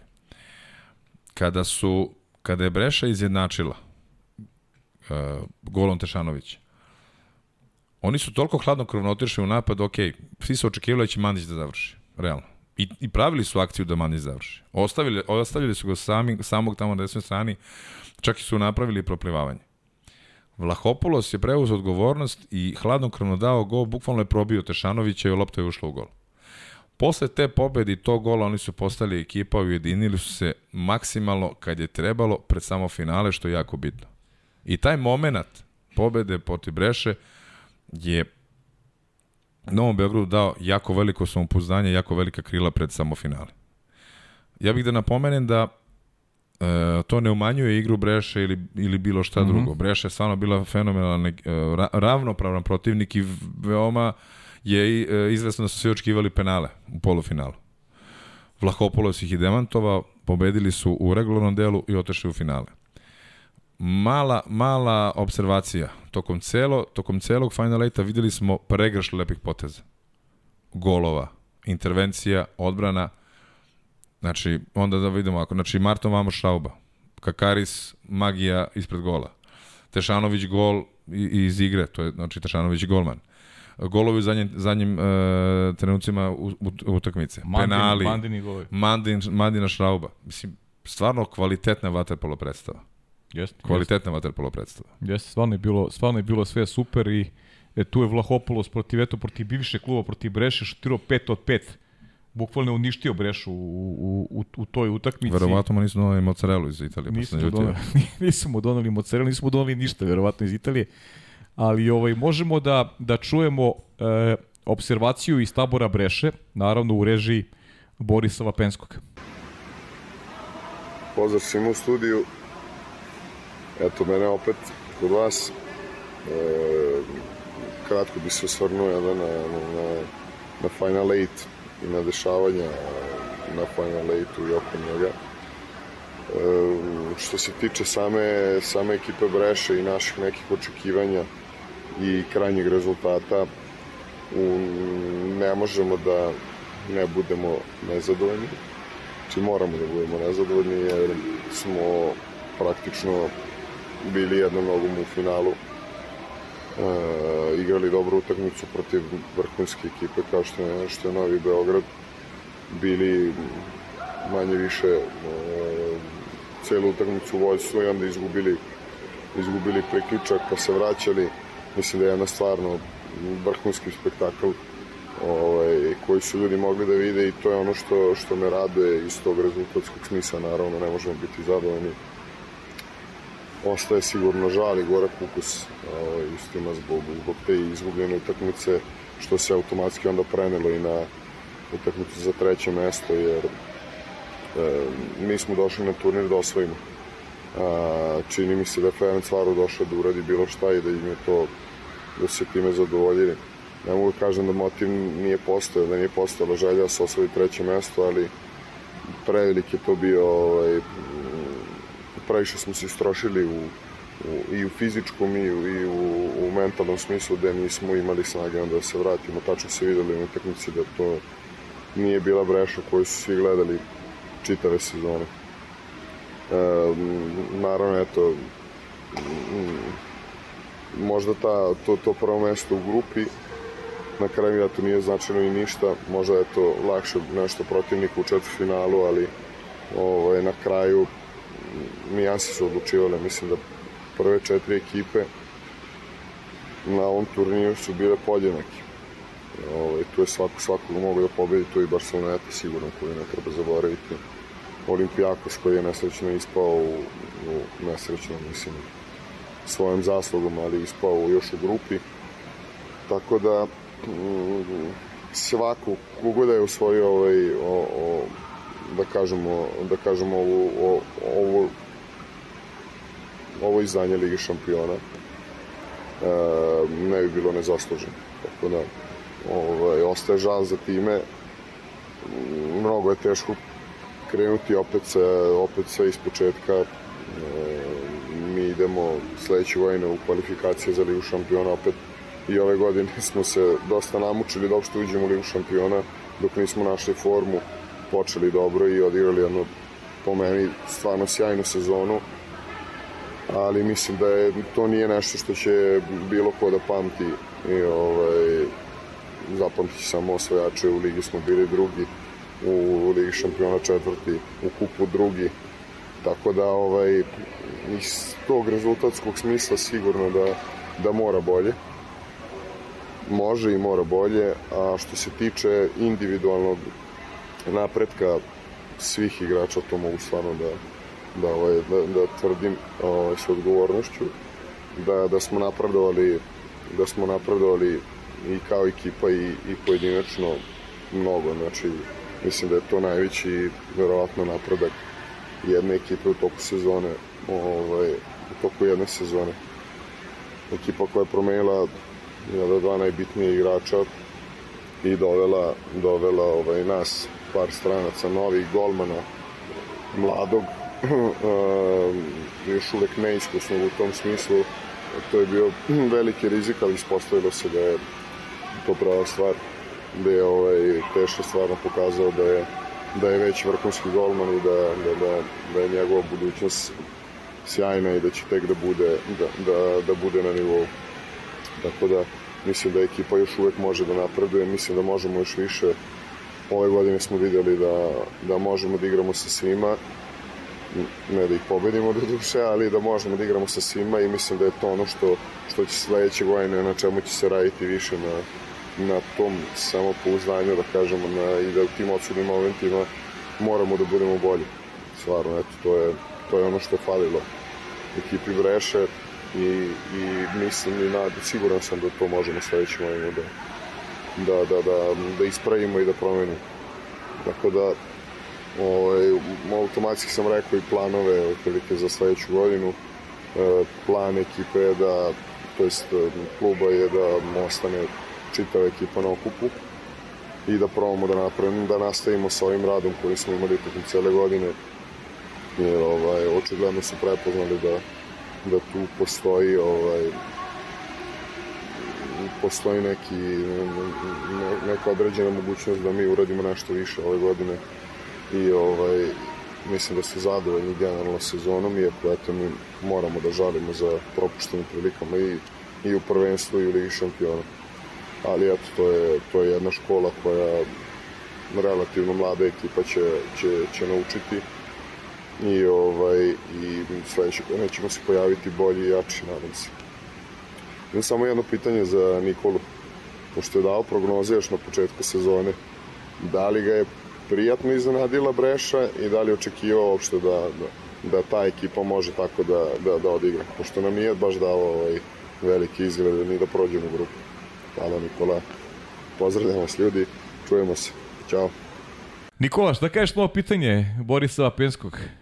Da, nisi baš bio optimista kada su šanse Breša u pitanju. Po iskreno nisam. Hvala Borisu na pitanju i pozdravljam ga ovom prilikom. Nadam se da će da iskoristi odmor, da se što, bro, što bolje odmori i nadam se da će da da se ponekad javi da plati tu kafu, ali nema veze. O, nisam očekivao da će Breša da dogora ovoliko daleko. Znao sam da su kvalitetna ekipa, jer su prvi deo sezone oni onako bili dosta upitni da će da prođu na Final 8, što je bilo i što je bilo pitanje na mesto, ali totalno su me demantovali, onda su kasnije zaigrali mnogo, mnogo kvalitetnije. Znamo da su došli u Beograd i da su igrali nerešeno sa Novim Beogradom, da je to dosta bilo teška utakmica, jedva ih je Novi Beograd dobio da, u, Breši. u Breši, tako da konsolidovali su redove pred samu završnicu, što je možda je najbitnije. Zna se da je Bovo jako veliki taktičar i zna se koliko je iskusan trener, tako da ponove to još jednom dokazao i ekipa Breše je došla do tog polufinala i u, samim, u samoj završnici utakmice izgubila od Novog Beograda. Mhm. Mm Nećemo da onako pričamo o, o, o utakmicama koje su odigrane za treće, peto, sedmo mesto, nema potrebe da ih analiziramo. Ono što je, što je moj utisak, a verujem i tvoj, to je onaj opušte Daniela Lopeza koji je bio vrlo emotivan. Bukvalno su svi ustali, koliko god je bilo ljudi na bazenu, pa i nas pa i smo nas ustali, smo ustali da pozdravimo. Koliko su mogli da ustanemo. Tako je, koliko smo mogli da ustanemo onu, onu, onog e, zaista velikana uh, i sjajnog golmana, ni on izdržao, popustio pred emocijama, zaplakao i ima neke simbolike, način na koji se oprostio odbranjenim petercem. Bukvalno mu je da. to bila poslednja pa, španska serija, šta da se kaže. Spustio su na kraju, jeste. Jest. Ovaj, šal na stranu veliko ime, veliko ime svetskog vaterpola, veliki, veliko ime uh, španskog vaterpola, stvarno je doprinao dosta, dosta tome da, da Španija bude u samom vrhu evropskih i svetskih uh, vaterpolo zemalja i čestitamo na velikoj, velikoj karijeri. Da, nema šta, šta mnogo da se doda tu i Pa evo, sigurno ćemo Beograd ostati u veli, iako jednom lepom pamćenju. Oprosti, oprostio se u na 11. aprilu u Beogradskom bazenu pred e, i domaćom i našom publikom. Ono je bilo prelepo kada su manje više, više od 30 sekundi svi aplaudirali dok je bila aktivna igra. Samo mi je krivo što možda sudije nisu opalile koji aplauz, jel? Da, da malo uvaže ovaj, vaterpolo legendu. Da, da se oni malo uklope, oni se gledno uklapaju taj kliše. Pa ne, imaju var, pa ne mogu se uklopati. Imaju var, da. Ovaj, ajde pre nego što krenemo analizu finala, da čujemo ovaj, impresije Strahinje Rašovića, reprezentativca Srbije i vaterpolista Novog Beograda. Pozdrav svima. Evo da vam prenesem malo utiske sa finalnog turnira. Ovaj, sve svemu bilo je jedno uživanje igrati na ovom turniru.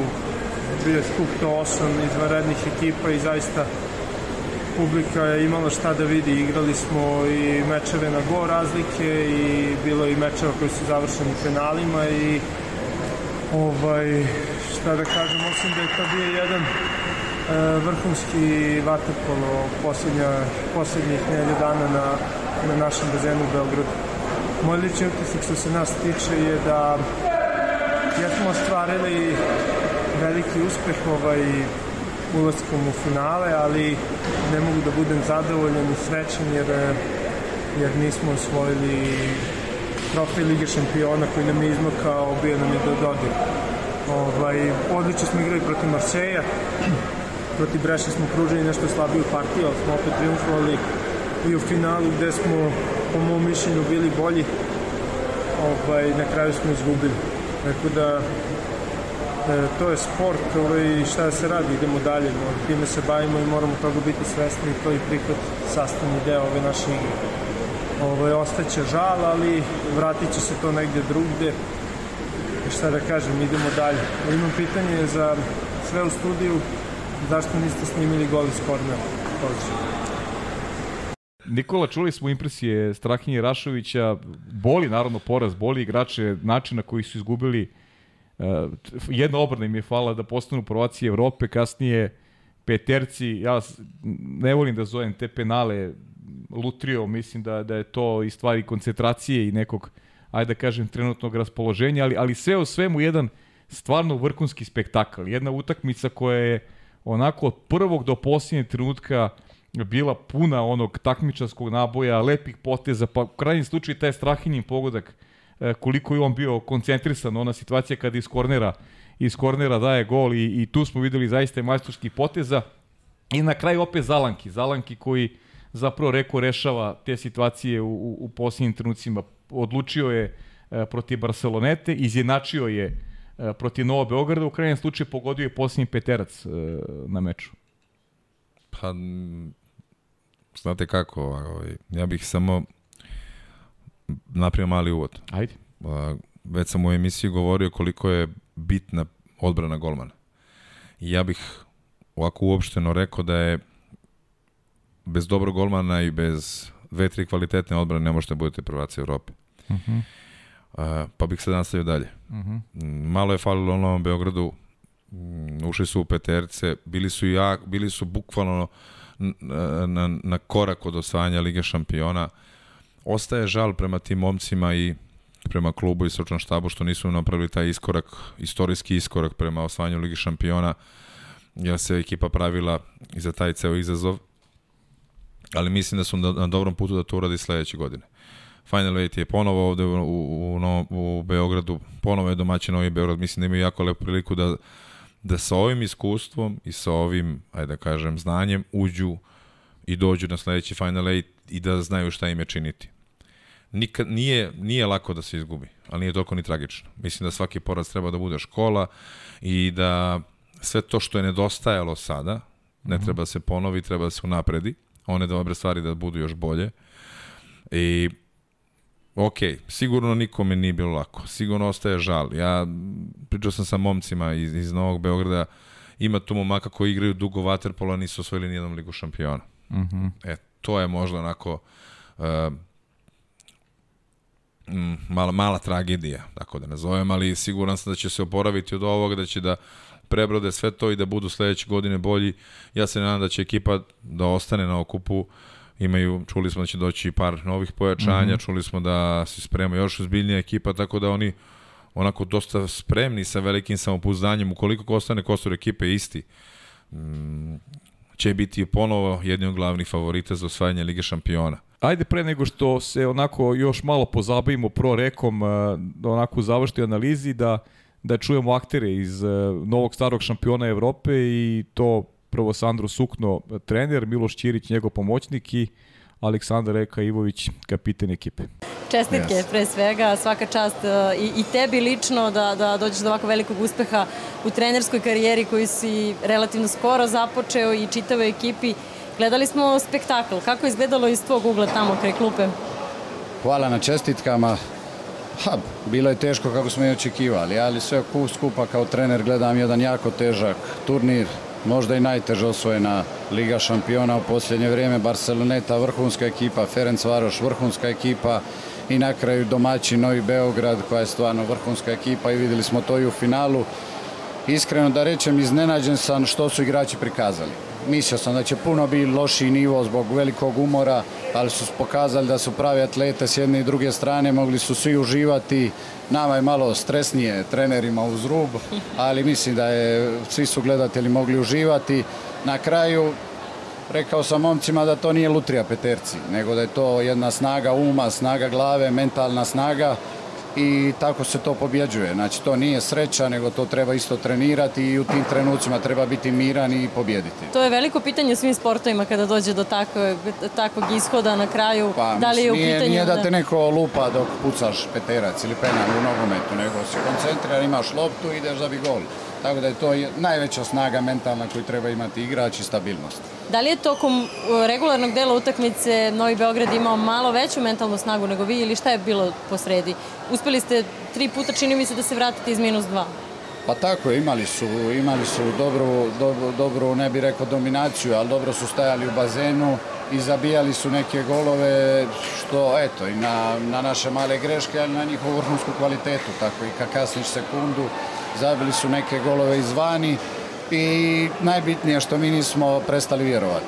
Stalno smo bili u igri, nismo gubili nivo igre naše, što me zadovoljava iznimno, jer bi se mnogo puta dogodilo da bi svi počeli pucati s faula, nabijati se, uspjeli smo izdržati, fizički smo patili malo jer je bilo teško i naporno, ali jako sam ponosan na ovu grupu ljudi, jer bili smo i prvu utakmicu u minusu, pobjedili smo na kraju, to znači da je jedna grupa jako moćna, da to nije skup individualaca. I sad se ispostavlja nekako ono o čemu smo pričali i nagađali, da li vam je ta teška serija sa Brešom možda i pomogla makar na tom mentalnom planu? Pa to sam i rekao na preskonferenciji da sam bio presretan. Nakon poraza u Breši gdje smo odigrali strašnu utakmicu, odigrali smo najbolju utakmicu sezone, ne bi čak ni ulazio u detalje zašto smo izgubili. E, bio sam tih u autobusu, ali sam bio svjestan da ćemo sve osvojiti. Deluješ da si stalno tih i sada si onako prilično e, pa jest, smiren nema, za jednog nema, šampiona nema Evrope. Nema baš puno riječi iz mene, ali sigurno da sam zadovoljan i, i na kraju to je najveći uspjeh i najveći zasluge idu igračima a moj dio i dio stafa i kluba cijelo da mi sve to skupa pripremimo, da oni budu spremni u bazenu, da budu zadovoljni istrenirani u svim, u svakom smislu i mislim da smo to uspjeli pogoditi i eto, četiri trofeja, četiri to osvojiti je to jako teško. Da, e, pored klupe kada te gledamo, delo je da bi svakog časa mogao da uđeš u bazen. Pa ne bi, radije bi ostao vani. Ostani, vidiš da ti dobro ide i, i mi uživamo u ovome e, što radiš, tako da želimo ti mnogo sreće u nastavku i nadamo se da, će ti, da ćeš imati kako tako mirno leto, pa da, da budeš odmoran za početak naredne sezone. Hvala i vama i vidimo se. Da, a, mi ćemo samo da izvršimo malu izmenu ovde u studiju. Sa nama je i, evo ja ću pridržati mikrofon, polako. Sa nama je i pomoćni uh, trener Pro Reka Miro, Miloš Ćirić. Čestitke i, i vama. Hvala, hvala. Kako, kako se osjećate? Pa, osjećam se odlično, stvarno jedna duga i naporna sezona. Šta mogu da kažem, rekao i Sandro sad, da dao četiri trofeja. Ne sjećam se da neko osvojio i ono što je isto jako teško u Waterpolu da jedna ekipa dve godine za redom osvoji ligu šampiona.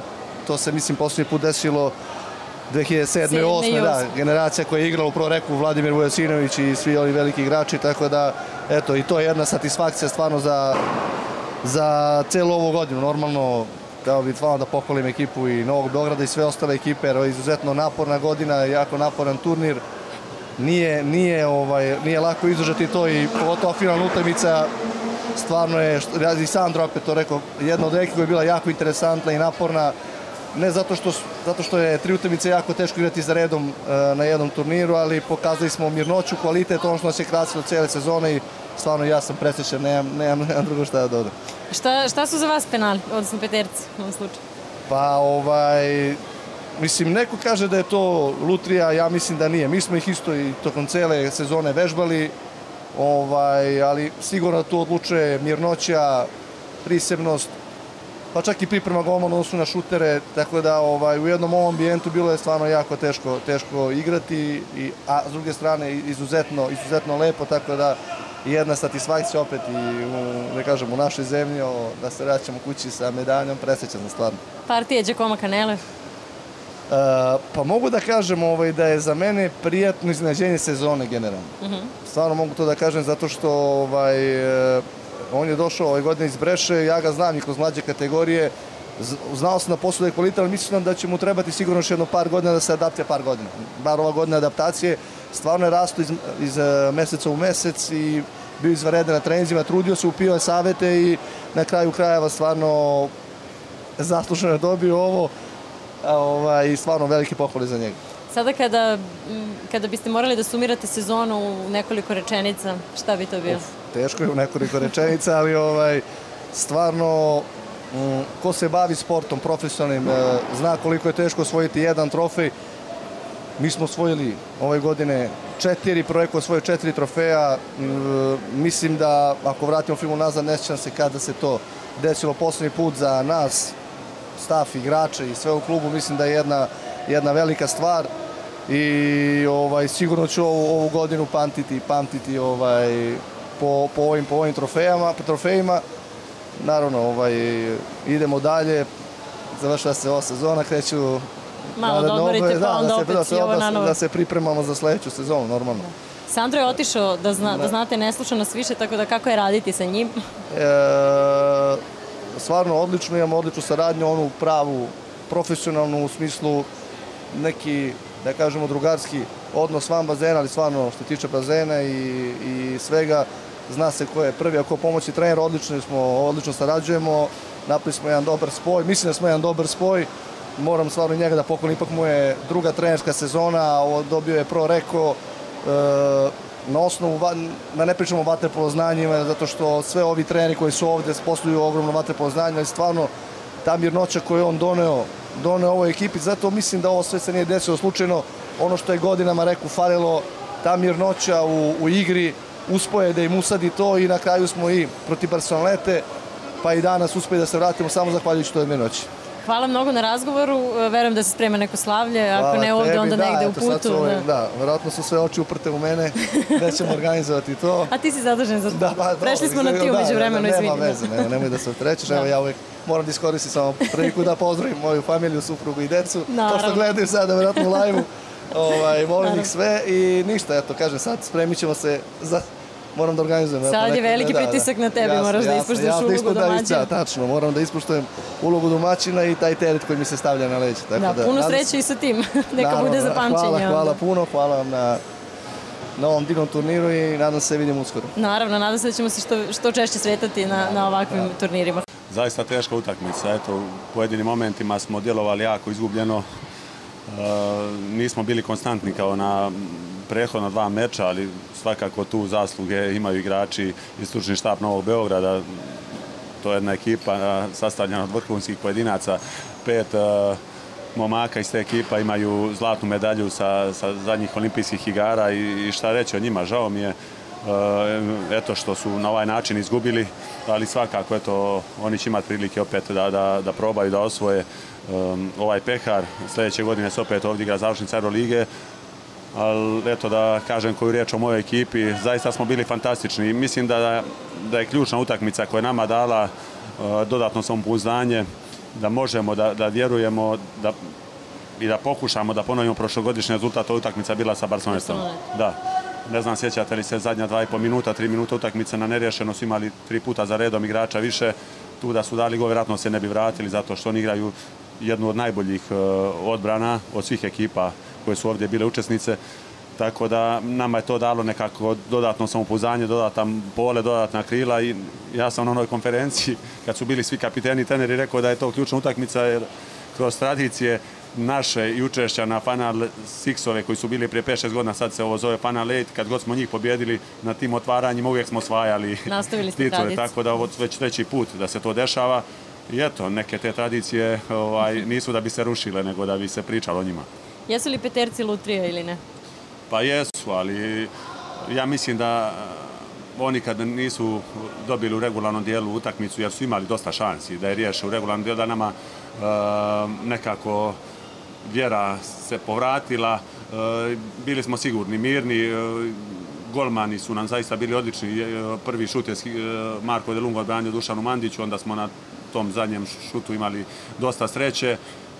Ali eto, vježbali smo tokom e, zadnjeg perioda dosta izvođenja tih peteraca, jer e, utakmica sa Brešom koje smo igrali u toj finalnoj seriji domaćeg prvenstva, mislili smo da bi jedna mogla da, da, da ode na peterce, tako da smo bili spremni ovdje na, na, na ovaj tip završnice i ja bih se zahvalio stručnom štabu, našem treneru kojem je ovo druga sezona u, u trenerskim vodama i četiri trofeja je osvojio ove godine, zaista nešto nevjerojatno, istorijski rezultat što se njega tiče i mislim da malo koji trener ima ovakav početak karijere Beričetan, ali i istorijski rezultat za naš klub koji je osvojio desetu klubsku titulu evropskog prvaka i ovaj klub zaista je nevjerovatan i iz godine u godinu smo tu, prisutni smo, bilo je teških godina od 2015 do 2021 nismo uspjevali da osvojimo, ali eto, nekako smo govorili, bitno je da, da probamo, da probamo doći rezultat i eto to što nismo odustajali nam se na kraju isplatilo.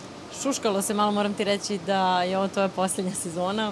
Ili imaš nešto da nam kažeš? Pa, e, ne znam, razmislići, još godinu dana sam pod ugovorom. Htio bih da vam kažem, eto jednu stvar, zadnje dvije utakmice sam igrao pod injekcijama, tako da, da sam od tog momenta krenuo da razmišljam, ne znam koji je uh, ti povred u pitanju, desno rame me jako boli, tako da sam zadnja dva dana kroz te neke injekcije i koje sam dobio protiv bolova pokušavao to da bezbolim, tako da ću sad se posvetiti da, da vidimo to, da analiziramo, da diagnostikujem šta je i kako, ako ne bude neka teška povreda, probat ću da igram još jednu sezonu, pa, jer sam pod ugovorom i sad vratilo mi se nekako i entuzijazam i euforija, vidjet ćemo, samo da ne bude neka ozbiljnija povreda, mislim da ću biti sledeće godine ovdje na ovom bazenu. Da, to znači da ćemo gledati tvoje i Tuškove duele i dalje, kako da, to da. izgledalo? Da. Pa izgledalo je dobro. Ne samo večeras, kroz, kroz, kroz vaše karijere. Da, kroz naše karijere. Ja bih da, da prvo kažem da sam ja s njim odrastao. Igrali smo u juniorskim reprezentacijama, tu smo osvojili dva evropska i svjetsko prvenstvo. E, odrastao sam i s njim, i sa Andrijom, i sa Filipom i mogu da kažem da sam od njih dosta, dosta naučio što se vaterpola tiče, profesionalizma i odnosa prema ovom sportu uz njih igrajući u reku i kroz te e, reprezentacije, duele koje smo imali jedan protiv drugog, mogu da kažem da sam ja stasavao i kroz te duele i, i zajedničke partije koje, smo imali u Italiji, znate da su sva trojica bili e, igrači Proreka, tako da ostavili su pečatljiv trag na cijeli vaterpolo sport, a i na svoje saigrače koji su uz njih rasli. Na kraju, gde će se slaviti večeras? Evo, ne znam, predsjednik nam je javio sad da je organizovao sve i sad čekamo da nam kaže gdje idemo i mislim da će biti, da će biti jako uzbudljivo, samo da se sutra na avion ne zakasni. neće, neće, puštamo te da ideš da ne propustiš nešto. Nikola, Sandro Sukno, prva godina u Pro Reku, osvojena šampionska titula, sa Čirom kao pomoćnikom, čuli smo Leku Ivovića, Leka koji je priznao da je igrao i pod inekcijama, da, da je pitanje koliko će telo izdržati, da je čak razmišljao i da na kraju ove godine kaže ne mogu više, ali da mu je sad ova titula prvaka Evrope opet mu daje neki novi neki novi ovaj zamajac i da očekuje Plutajući sam. Da. Ali da očekuje da da čeka prvo analize da vidi kako će proći te analize, ovaj pa da vidi koliko je spreman za za neke nove za neke nove akcije. Dobro, prva godina Sukna na klupi Proreka, dosta je to bilo iznenađenje za, za sve kada mm -hmm. je on se prihvatio tog posla. Uh, ali uh, kada se malo onako š, kada se to malo sagleda uh, šire i kada se baviš ovim sportom i ako si upućen u ovaj sport znaš da tu ima dosta podrške oko mm -hmm. samog Sandra Sukna, prevashodno misleći na Miloša Ćirića, njegovo veliko znanje i iskustvo i misleći na Aleksandra Ivovića koji je sigurno doprineo da mu olakša dosta trenerski posao. Ne umanjujem, ne umanjujem znanje uh, Sandra Sukna i ne želim da umanjujem titulu koju je osvojio ove godine svaka čast na tome, mislim da preraste u jednog velikog stručnjaka, uh mhm. -huh. mislim da može da bude ozbiljan stručnjak i želimo svu sreću tu. Milošu Ćiriću da, da što više ostane u najboljem klubu na svetu, jer svojim znanjem sigurno zaslužuje to i doprinosi i do, dopunjuje celu tu sliku proreka Standara Sukna i svih igrača koji su tu. Videlo se to i na, kroz osvajanje ove Lige šampiona, što se tiče Leke, ja bih mu rekao mačak, odigre ti još jednu godinu, ništa tebi ne fali. E. Dobro, slušat će, slušat će Leka sigurno i bit će i, i on gost u skorije vreme. Ponovo ćemo ga ugostiti u studiju kao i još neke protagoniste. Ono što smo eto zabeležili, bilo je mnogo interesantnih, da kažem, faca ovaj, i sveta Waterpola koji su došli iz uh, okruženja, naravno i Sandro Kampanjak, selektor Italije, takođe on je obavljao tvoju ulogu. Da, bio, bio je tu, dva mesta od nas. Dva mesta od nas je bio. Mi smo bili glasniji od njega, tako da. Ba, bili smo glasniji, tako je. Emotivnije smo ovaj reagovali na, na celu priču. naravno mnogo aktera i u bazenu sa svojih prostora, tako da nismo propustili priliku da, da sa nekima i razgovaramo, pa jedan od onih koji uvek interesantan sagovornik i čovek koji je u krajnjem slučaju bio prvi gost ovog podcasta, čovek koji i dalje igra na vrhunskom nivoju, očigledno mu prija Beograd jer Andrija je odigrao tri efikasne utakmice i pomogao Marseju da napravi iskorak u odnosu na prošlu godinu, pa bi bilo interesantno da sada čujemo i i zapažanja, zapažanja Andrije Prolinovića u, iz razgovora naravno sa dragom koleginicom Aleksandru Radivojevićem. Vrlo, ako neko zna, to si ti. Kako se osvajaju e, trofeju Ligi šampiona, kako se dolazi do finala, e, nekako već e, imaš to iza sebe u karijeri sa više različitih klubova. Pa šta je potrebno klubu da bude u, u samom vrhu? Pa ili ogroman novac uložen, kao što je slučaj s Novim Beogradom, pa da u jednoj sezoni dovedeš pet igrača ekstra klase uz dodatno još dobrih 5-6 igrača ili jedan put kojim evo, idemo mi kojim su išli i drugi klubovi. Partizan je u onom periodu kad sam ja uh, bio u Partizanu dugo stvarao, dugo se stvarao taj prvak Evrope. Mi smo od 2006. krenuli na taj put, moja, ta, moja generacija, nisu svi tu ni ostali do kraja i tek smo 2011 u petom nekom pokušaju došli do, do kraja. Dakle, osvojiti Ligu šampiona kao i u svim drugim sportovima, vaterpolo tu ništa nije drugačije, ništa nije drugačije u vaterpolu je put koji mora da se pređe sa i ulaganjima i sa strpljenjem i ja mislim da smo mi na dobrom putu. Da li ćemo stići do, do, do samog vrha, zavisi mnogo stvari, nema garancije, ali mislim da smo na dobrom putu da bar sledeće godine budemo još ozbiljniji da uđemo u ove najbolja četiri. E, šta su tvoji planovi za budućnost kada je reč o karijeri i generalno klubski planovi i ciljevi, neke si već spomenuo, ali ajde da, da Ja ostajem u Marseju, završio sam reprezentativnu karijeru, imaću više vremena za porodicu, prijatelje, odmorit ću se dobro ovo ljeto, malo ću se sigurno isključiti od vaterpolo dešavanja. E, treba mi odmor, treba mi baš da ne radim i neke druge stvari mimo waterpola i eto, treba mi jedan onako mentalni oporavak jer sam dosta bio dugo u ovome i, i ova sezona je bila dosta duga, naporna. Brzo sam poslije olimpijskih igara odmah počeo s treninzima, tako da se skupilo dosta i umora i zasićenja i prvo ću se dobro odmoriti, a ostajem u Marseju do praktično do olimpijskih igara u Parizu do 2024. imam dogovor i naredne dvije sezone su vezane za Marsilj. Da, e, delo je ovako sa strane gledano, malo si pričao o tome, do duše i neformalno, da ti prija Marsej i grad i okolina, sredinu u kojoj se nalaziš u klubu, pa evo, kako se živi u Marseju? Lepo, prija, prija mi, eto, ko ima prilike e, da, da posjeti taj dio Francuske, jug Francuske cijeli je prelep, verovatno jedna od najljepših geografija na svijetu, Marse je vrlo interesantan grad s velikom istorijom, dobrom energijom, dosta toplim ljudima i onako pravi jedan mediteranski šmek se osjeća na svakom koraku i meni je to naravno leglo i brzo sam se prilagodio s obzirom da sam odrastao na moru i ja jednostavno uživam u Marseju i, i moja porodica i ja uživamo i jako mi je lepo i mogu isto pohvalim danas taj način na koji klub funkcioniše, vrlo su ozbiljni, korektni i čvrsto na zemlji kad su u pitanju i ambicije i neko shvatanje vaterpola i sporta uopšte.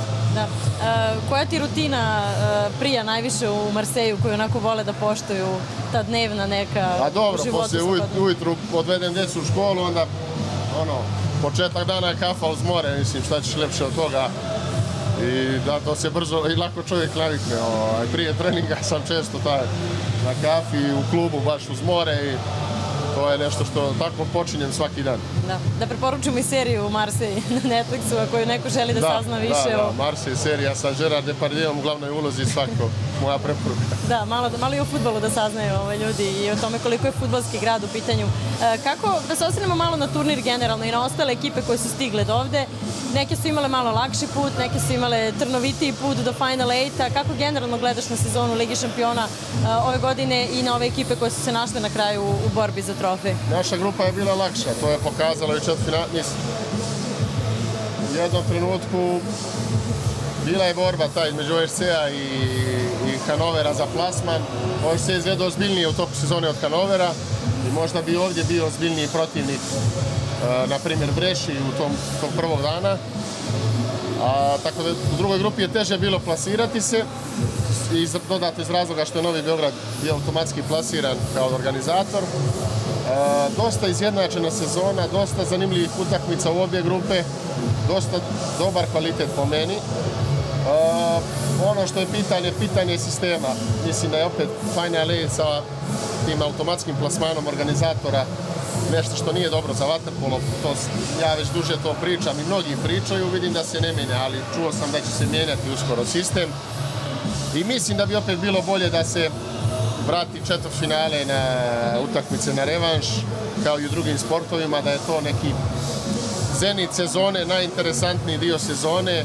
Videli smo koliko su ekipe natempirale formu za ovaj deo sezone. Da, ali je igrati tri dana bilo koji sport, pogotovo vaterpolo, koji je zvanično najteži ekipni sport na svijetu, fizički, je previše i pretjerano i kvalitet je već juče pao, a danas će još dodatno pasti.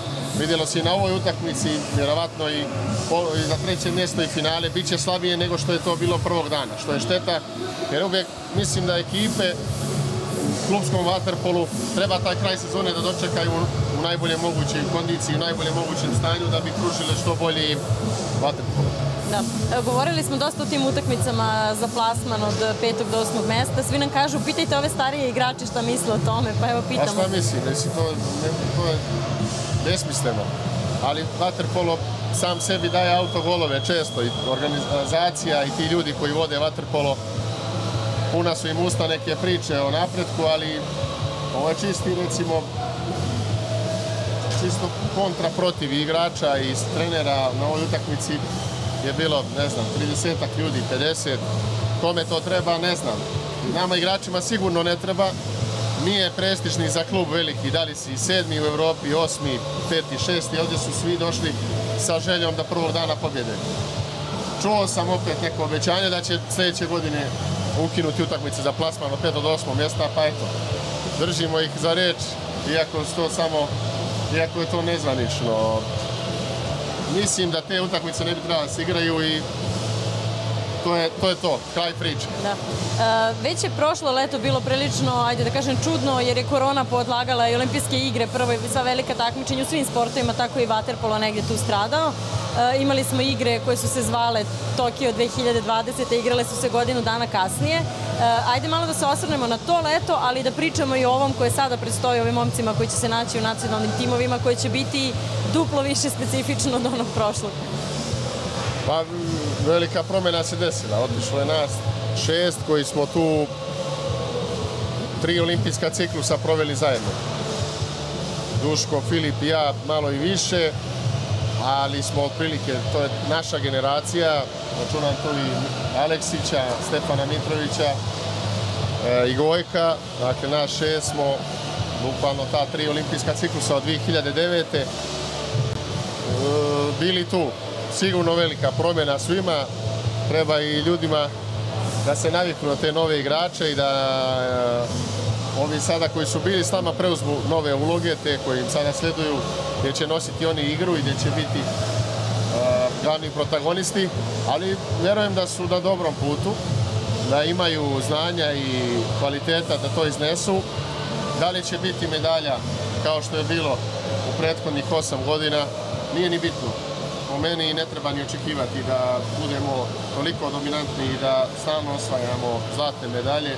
Pa ja mislim da ako neka reprezentacija u Srbiji nema pritisak, to je onda vaterpolo reprezentacija. Ne bi trebalo stvarati pritisak. moje mišljenje je da uz dobar kvalitetan rad, pratim ih i po klubovima, svi igraju dobro, svi su motivisani, svi su sportisti e, i pametni momci moje mišljenje je da do Pariza to opet može, do olimpijski jara u Parizu, to opet može da bude ekipa koja će se boriti za medalju. Što je, neki treba da bude cilj. Po meni ipak su olimpijske igre i taj završetak olimpijskog ciklusa e, kruna jednog, jednog e, rada i saveza i ekipe i trenera. Tako da ja bih do olimpijskih igara rasteretio nekog moranja. Sigurno da će oni željeti da osvoje medalju i prije, ali ako ne bude medalja, kažem, po meni bi trebao da bude glavni cilj Pariz i, i opet da se dođemo do medalje tamo. Uh, želim im sve najbolje, navijaću za njih kao da sam ja unutra i sve ih dobro poznajem i verujem u njih. Da. E, ja mislim da će publici posebno biti e, čudno da, da nema vas u ekipi kada krenu reprezentativne aktivnosti. Ne znam kako ćete se vi navići da gledate sa strane. E, pa vidiš, to ću, to, ću, to, ću, to ću vam reći neki kad sretnemo drugi put. Da. Sad sam ovo gledao u Podgorici, bilo mi je čudno, a bit će vjerojatno još teže ovaj, kad bude svetsko prvenstvo i veći neki ulog. Ali dobro, Bože moj, godine idu, mlađi dolaze i to je prirodno. Da, e sad da govorimo malo i o ovom kalendaru i tim specifičnostima na koje ste već morali da se prilagođavate i tokom sezone. Korona je svašta nešto poremetila, međutim, e, bilo je velikih debata sada oko pomeranja velikih takmičenja, pa se pomerao i, i termin ovog turnira shodno tome i tu malo diskomunikacije između Fine i Lena. Kako gledaš na to i na to što ćemo ovog leta gledati evropsko, odnosno svetsko, svetsku ligu i zatim i evropsko prvenstvo? 20 godina, mislim da ovo mi je, mislim, 19. sezona u Ligi šampiona, mislim, ajde, od 2000, tako, 2003. sam debitovao u Ligi šampiona. Dakle, eto. A, sporo idu promjene. Ti ljudi koji vode naš sport su tvrdi da li ih ne interesuje, jako sporo se stvari mijenjaju. Pa evo i ovo što ste pitali od 5. do 8. mjesta, četiri godine već postoji priča da ne treba da se igra, ali se igra. Uh, što se tiče kalendara, on je surov, najsuroviji je prema igračima, za publiku je zanimljivo, ajde igrat će se u Budimpešti na Marget Sigetu, sigurno će biti prepuno i prelepo za gledanje, ali, je ter, ali su termini potpuno u neskladu sa nehumani. Igra, igrači iz sezone i poslije ovakvog teškog turnira nastavljaju odmah da se pripremaju za svjetsko prvenstvo koje je opet najveće takmičenje koje može igrač da ima. E,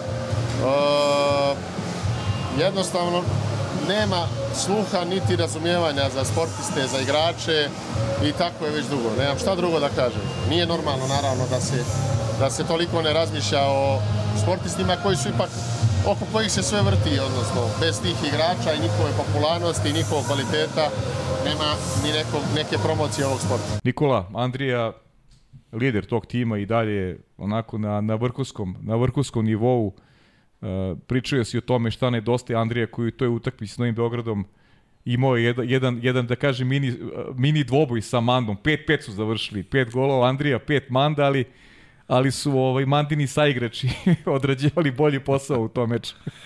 Pa dobro, mislim, okay, to se poklopilo tako 5-5, ali da.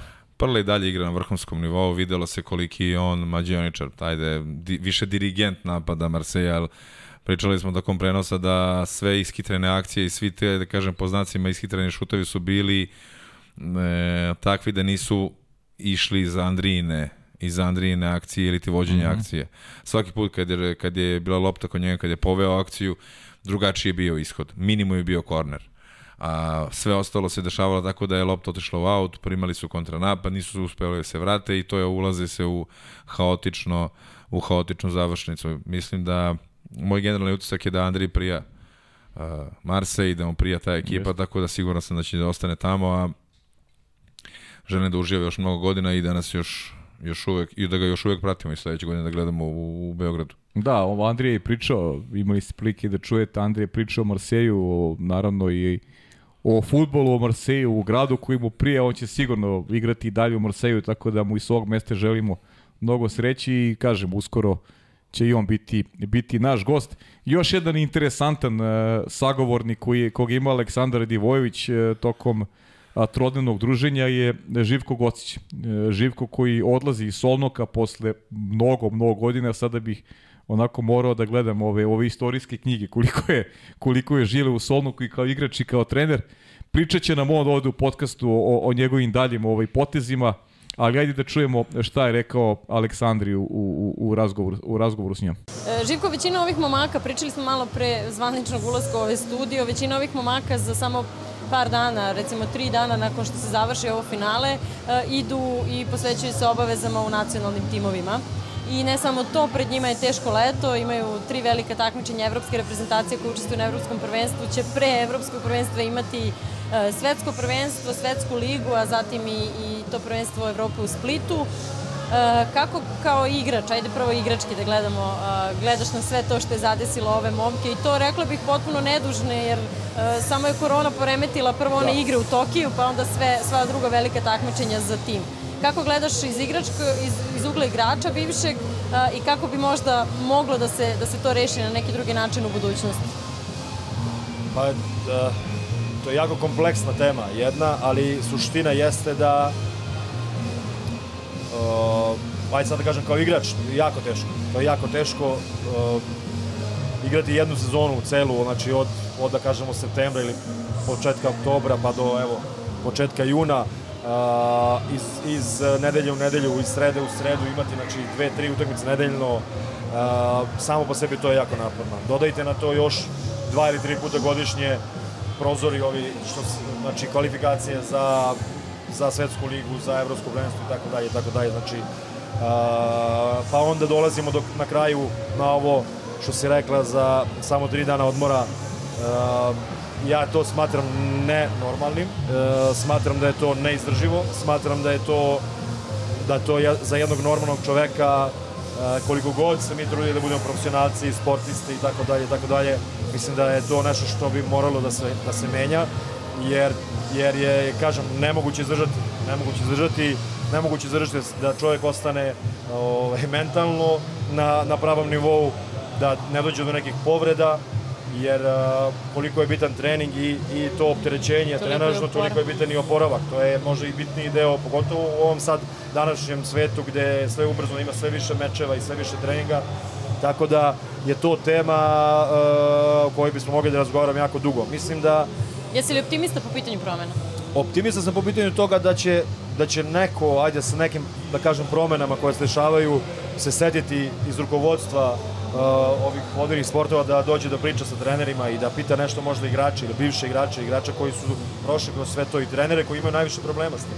Moram ti reći, razgovarali smo sa Milošem Račevićem, na tome se već radi, samo je malo pitanje vremena sada da te stvari eto, legnu, meni, tako da ima nekog da, pomaka. Eto, da. ja se nadam da će doći do toga. Uh, kažem, uh, jako je teško jer na kraju krajeva opada kvalitet, dolazi do povreda, uh, ne može se nije normalno da, da igrači budu uvek u top formi, nije normalno da, da, da tokom jedne sezone da se traži od igrača ili od trenera da, da napravi uh, tako da tempira formu, da oni tri ili četiri puta godišnje ili pet puta godišnje moraju biti na vrhuncu forme, to je prosto uh, nemoguće. Kako? Uh, tako da ja se najiskrenije nadam da će doći do promena, jer ovo stvarno preveliko opterećenje. Da. Dobili smo informaciju da Fina i Len sada komuniciraju malo bolje da. i da će se takve stvari u budućnosti rešavati drugačije. Sve i ako bude moralo da se nešto odlaže, tražit će se prostor za odmor igrača, tako da vidjet ćemo koliko će ispoštovati te svoje planove i namere. E, kako iz ugla trenera gledaš na to? E, imao si iskustva sa tim da ti da. igrači odlaze zbog reprezentativnih um, obaveza iz kluba i da se vraćaju.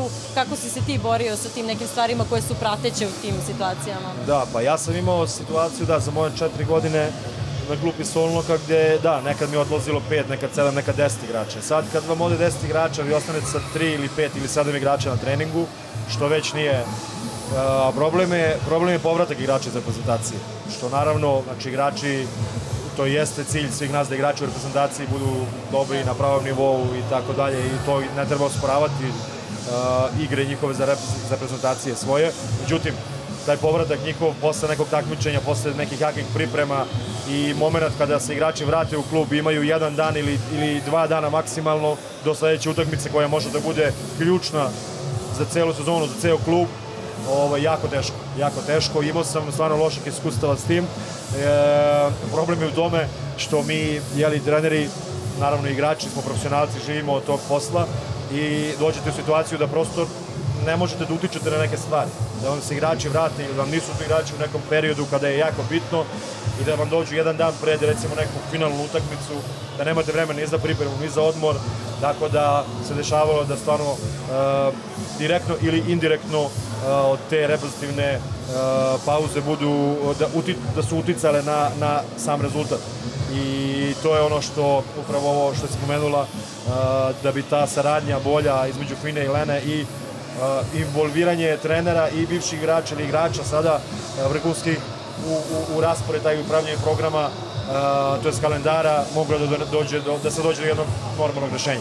Da, istina nije vaterpolo jedini sport nije. u kome je to problem, Absolut. tako da verovatno negde svi zajedno treba da nađu model po kome bi mogla da funkcionišu velika takmičenja.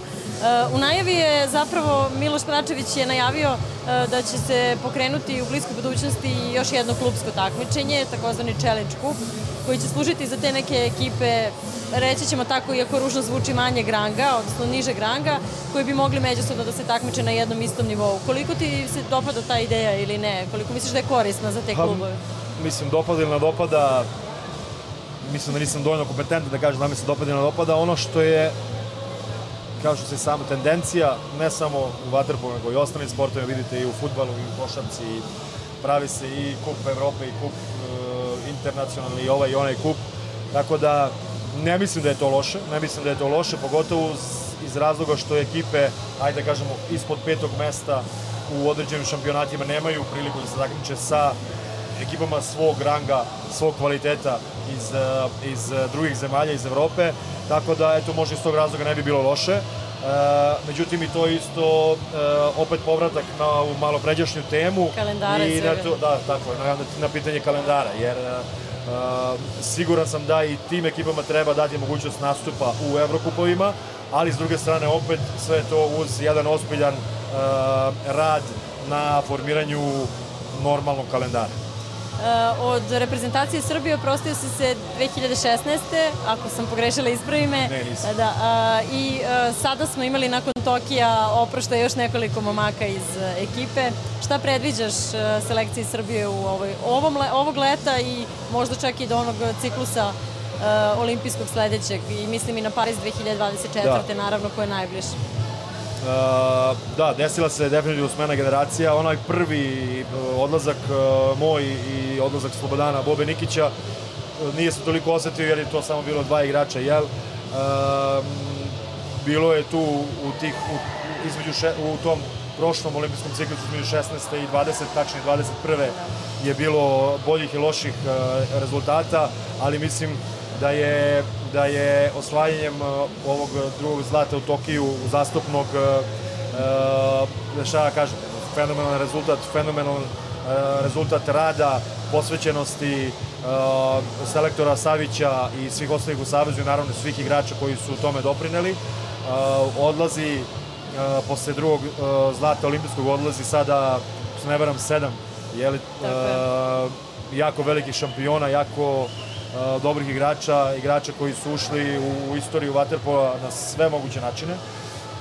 Ali uh, ono što je što moram da kažem i što što se meni uvek da kažem ajde dopadalo i što što sam uvek ovaj uh, cenio u radu našeg saveza jeste da igrači koji su koji njih nasleđuju su već dugi niz godina u sistemu reprezentacije, tako je.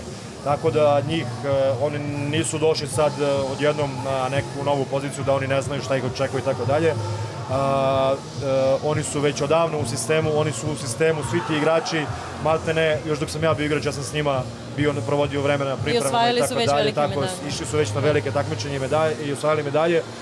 A, siguran sam da a, da će se ostati nedostatak šampiona kakvi su kakvi jesu momci koji odlaze, ali da mi tekako imamo igrača koji će njih zameniti na pravi način, igrača koji će podneti e, taj teret koji su godinama nosili e, nosili ovi pređašnji i mislim da sve ide u dobrom smeru.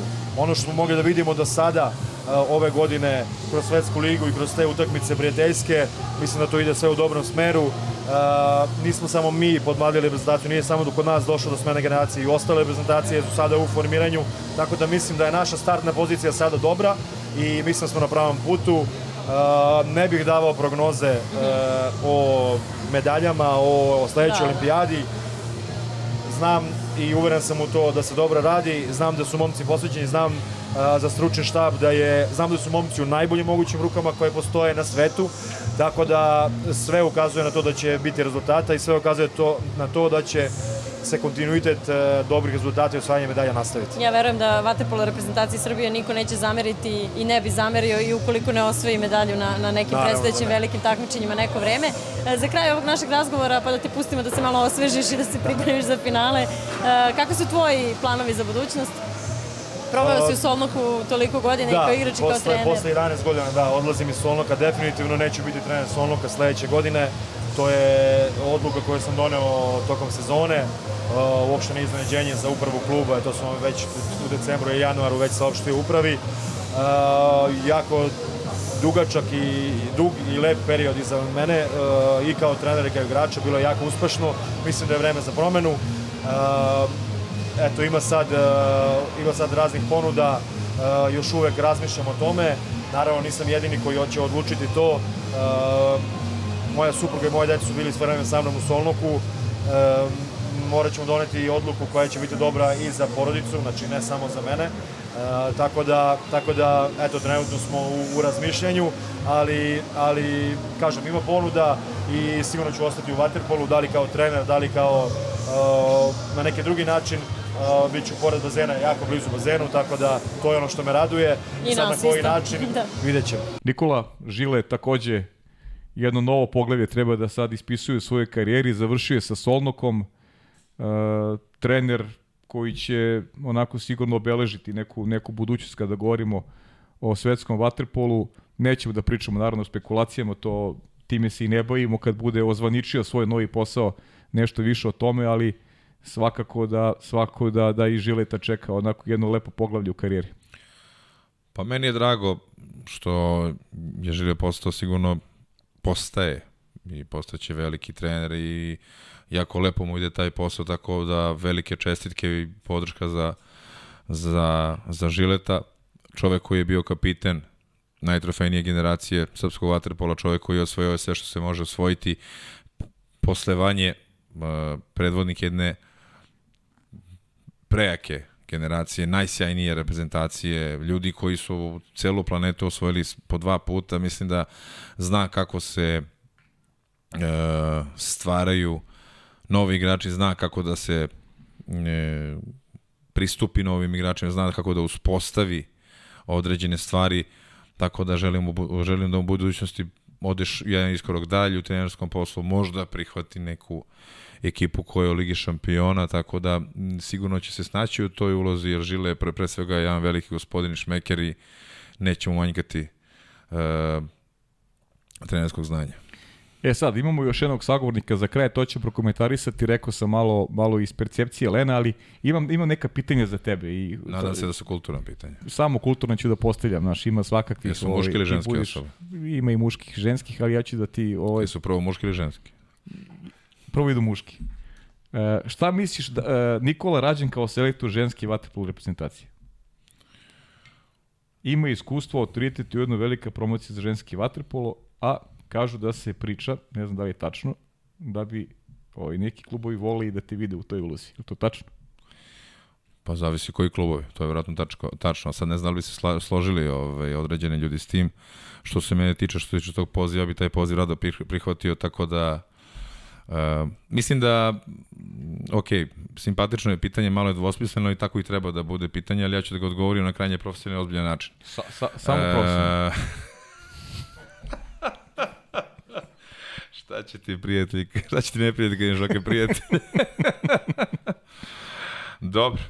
Da, prihvatio bi se poziva. Mm -hmm. Za mene je to još jedan izazov, a mislim da, ne da kažem, vrhunski igrači koji, koji imaju vaterpolo sve da omogućuju im da dođu do, do toga su došli, osvoje te, sve što su treba, osvojili. Treba na neki način to i da vrate tom sportu kroz angažovanje e, i promociju tog sporta. Tako da ja to već uspešno radim par godina kroz kampove, kroz animaciju dece prema vodenim sportovima i e, trudim se da, da budem što što aktuelni, što bolji, ne bili imali veću bazu budućih šampiona. Sad to ide način na koji ide, ali što se tiče tog samog poziva selektora, to meni deluje zanimljivo i ja bi se rado toga prihvatio. E, pitanje koje se nadovezuje. E, da li ćeš napokon uzeti neku ekipu da vodiš, pošto znamo da držiš ozbiljno dobre treninge? Samo treba da sedem sa nekim preko puta i da se dogovorim. Dobro. A da li, možeš, da li znaš ko ti ovo postavio? Kaže, veliki pozdrav za izvođača radova. Da li, on, da li je on vatripolovac informacije? A, znam, Džale Gedora, znam ga. Da. Odmah si pogodio ko. Da. Dobro. Ne moraš da govoreš dalje. E, Šalim se, Džale, mislim, znaš. Ovaj, prihvatit ću se posla i rado, rado ćemo sarađivati ukoliko se to desi. Eto. Veliki pozdrav za Jasmina Harelovića. Tako je, kojeg smo videli na tribinama i spomenuli ga. Naravno, naravno, uvijek, na malim uvijek ekranima prisutan, sportova, da. uvijek prisutan i bit će prisutan i ovde. Uh, hoćemo li ikad dobiti nacionalni bazen u Srbiji? Uh, jedan ili više? Je li to množina ili jednina? Piše nacionalni bazen. Pa, dobro. Mislim da je u, pra, u, u planu, kako sam čuo u kuloarske priče, par bazena da će da se izgradi u Beogradu, ne samo u Beogradu, nego i u par gradova u Srbiji.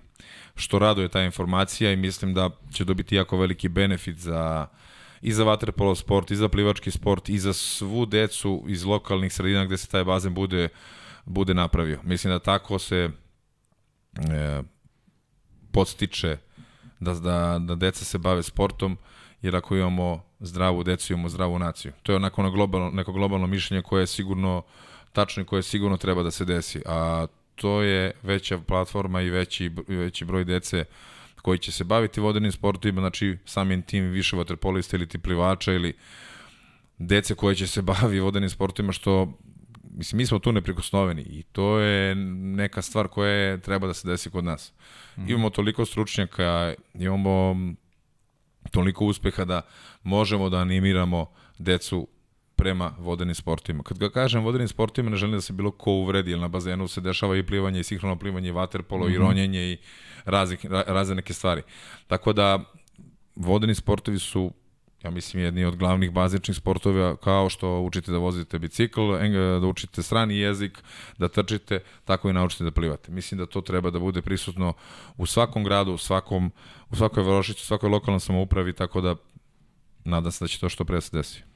E, imamo još jednog e, sagovornika s kojim je Aleksandara pričala na bazenu, Miloš Mračević, član biroa LEN, pa da čujemo neke, da kažem, ajde, observacije ono što treba da kreira neku budućnost uh, svetskog vaterpola. Pa ja mislim da se iskreno svi nadaju da, da se ovakvo leto koje nam sada sledi neće ponoviti u tom njihovom igračkom smislu, jer ovaj, zaista, zaista su s, i, i komentari svih igrača bili isti i zapravo niko ne želi da, da ima takvo leto, e, da je bolje da se takmičenje rasporede drugačije, da je postojala mala diskomunikacija između Fine i Lena, Kako na tom planu stoje stvari? Ajde prvo to da vidimo i da se vratimo još jednom na sve ove reforme. Vi ste nabrojali sad šta je u vašem planu, šta nas očekuje potvrda, čega nas očekuje sledeće nedelje već i hvala što ste podelili to sa nama. Verujem da će i, trenerima i igračima biti lakše i, i, i da će im biti od koristi e, takva informacija. Međutim, e, šta je ono što još imate u, u nekom planu koji možda još uvek nije zvanično e, stavljen u, ne, u neku formu i stavljen na papir, e, ali o čemu se svakako razmišlja? Ima li nekih naznaka promene konkretno takmičenje koje gledamo ovih dana. Da, komunikacija između Lene i Fide nažalost nije dobra i to je odgovornost svih. Mi smo ovdje prije svega radi sporta, da nije igrača, igračica, klubova, saveza, ne bi bilo ni Lene ni Fine i mi moramo da budemo toga jako dobro svjesni da budemo servis i na usluzi a, tome. Ta komunikacija, taj problem se sredio, sada jako komuniciramo, imamo jedno zajedničko tijelo koje je Inter, Lena, Fina u smislu, u smislu a, reformi, već smo imali par sastanaka, međutim dakle, zbog... Dakle, ste za zajednički stol, Da, apsolutno, međutim zbog korona, iz, zbog korone i zbog odlaganja takmičenja došli smo u jedan problem kalendara. Problem, došli smo u problem da se do olimpijskih igara 24. u Parizu ima jako puno natrpanih takmičenja koje se nisu odigrali. Možda je lako reći otkažimo Fukuoku, ali ti ljudi su tamo u njihovom savezu, u njihovoj vladi, u njihovom ministarstvu sporta uložili puno u to, spremaju se za to. U krajnjem slučaju već su izabrani, uplatili su kotizacije, u pitanju su i TV prava, vi to dobro znate iz televizije šta, uh, šta znači, tako da nije lako otkazati jedno svjetsko prvenstvo i nije lako nešto što je dogovoreno, što je u krajnjem slučaju odobreno i potpisano na neki način samo prekrižiti i ne uraditi. A, sada je neki plan do 24. da probamo što bolje da sinhronizujemo taj kalendar. U toku su pregovori najveće pitanje oko svjetskog prvenstva u Dohi 24. Ukoliko bi ono prošlo, prešlo za 25. godinu, svi bi bili jako sretni. Ukoliko ne pre... donosi krajnju odluku o tome? Donosi FINA, ali a, možemo i tu nešto da predupimo. Već i ako bude 24. trebamo u toj godini da razmišljamo da li da bude svjetske lige, da li da bude kvalifikacioni turnir za olimpijske igre, da to bude u Dohi, da nekako neka druga takmičenja, svjetski kup takođe, da. da neka druga takmičenja koje lakše možemo da odložimo ili ukinemo, da ih ukinemo, da rasteretimo kalendar. Na tome radimo aktivno, a, plan je da se tokom ljeta a, i javno publikuje taj kalendar i da ga probamo na neki način što bolje organizovati. Neće biti lako, neće svi biti zadovoljni, to je sigurno, ali šta je tu je to moramo da uradimo. Što se tiče Lige šampiona, tu su vječita pitanja. Baš jutro smo imali jedan jako korektan i konstruktivan sastanak sa svim klubovima koji su učesnici ne samo finalnog turnira, nego i preliminarne faze, znači svih 16 klubova, mislim da je 14 klubova bilo prisutno pored operativnih ljudi iz Lene bili su prisutni i ljudi iz biroa i prvi potpredsjednik Lene i mislim da smo po prvi put otvoreno razgovarali svaki klub saslušali šta misli i šta je važno iz njegovog ugla mišljenja su oprečna ali imamo i neku većinu koja nam jasno govori da neke stvari trebaju da se promijene. To je jako teško promijeniti za iduću sezonu iz razloga što je već dogovoren finalni turnir ovdje i sistem, ali od one sezone 23-24 već možemo da da, ovaj, da razgovaramo i da planiramo neke promjene. Dogovor je da nakon Budimpešte i tokom ljeta imamo nekih više opcija, da li će to ostati isti format grupa, da li će se dijeliti u više grupa. Uh, imamo veliki prigovor da li je najbolje rešenje Final 8 ili da to bude Final 4. Uh, imamo i pitanje klubova zbog čega igramo za plasman od 5. do 8. mjesta. Također neke ekipe žele da igraju njima pali utakmica, ali moramo na neki način da, da pomirimo i želju prije svega klubova koje čine ove takmičenje, jer da nije njihovoga takmičenja ne bi bilo. S druge strane, organizacione potrebe Lene i prije svega potrebe i publike i televizije da nađemo neki balans koji je najbolji mogući.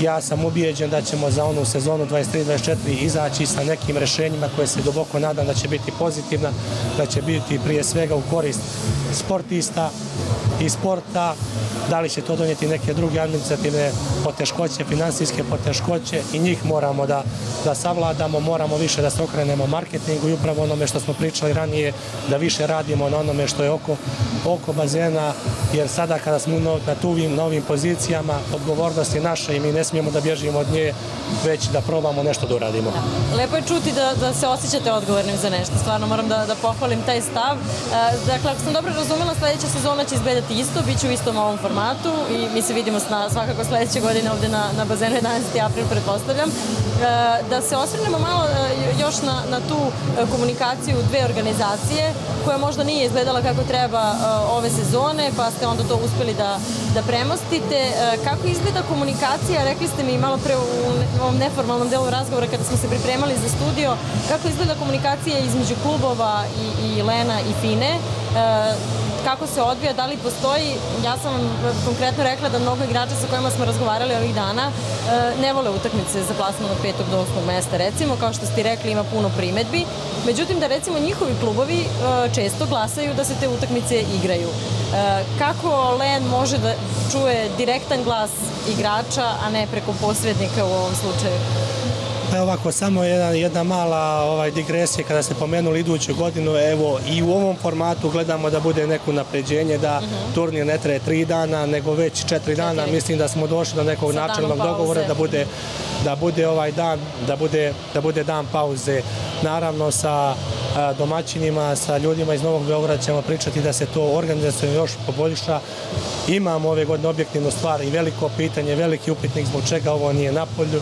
O tome ćemo pričati nadamo se da će iduće godine biti ti uslovi bolji, pa eto i to je neko i to je neko ovaj unapređenje. Da, mora se čuti glas sportista, pomenuo sam Waterpolo Reform Committee, pored ljudi iz Lene, tu su uključeni ljudi iz televizije, iz svijeta marketinga, ali i po jedan vaterpolista i vaterpoliskinja. Oni su nam dali već mišljenje o tome, takođe u okviru Lene se ojačao takozvani atlet komiti, direktno učešće sportista, sportista u odlučivanju i tokom kongresa koji je bio u Kaškaju sredinom maja mjeseca su ljudi, odnosno sportisti iz atlet komitija bili, bili, bili prisutni.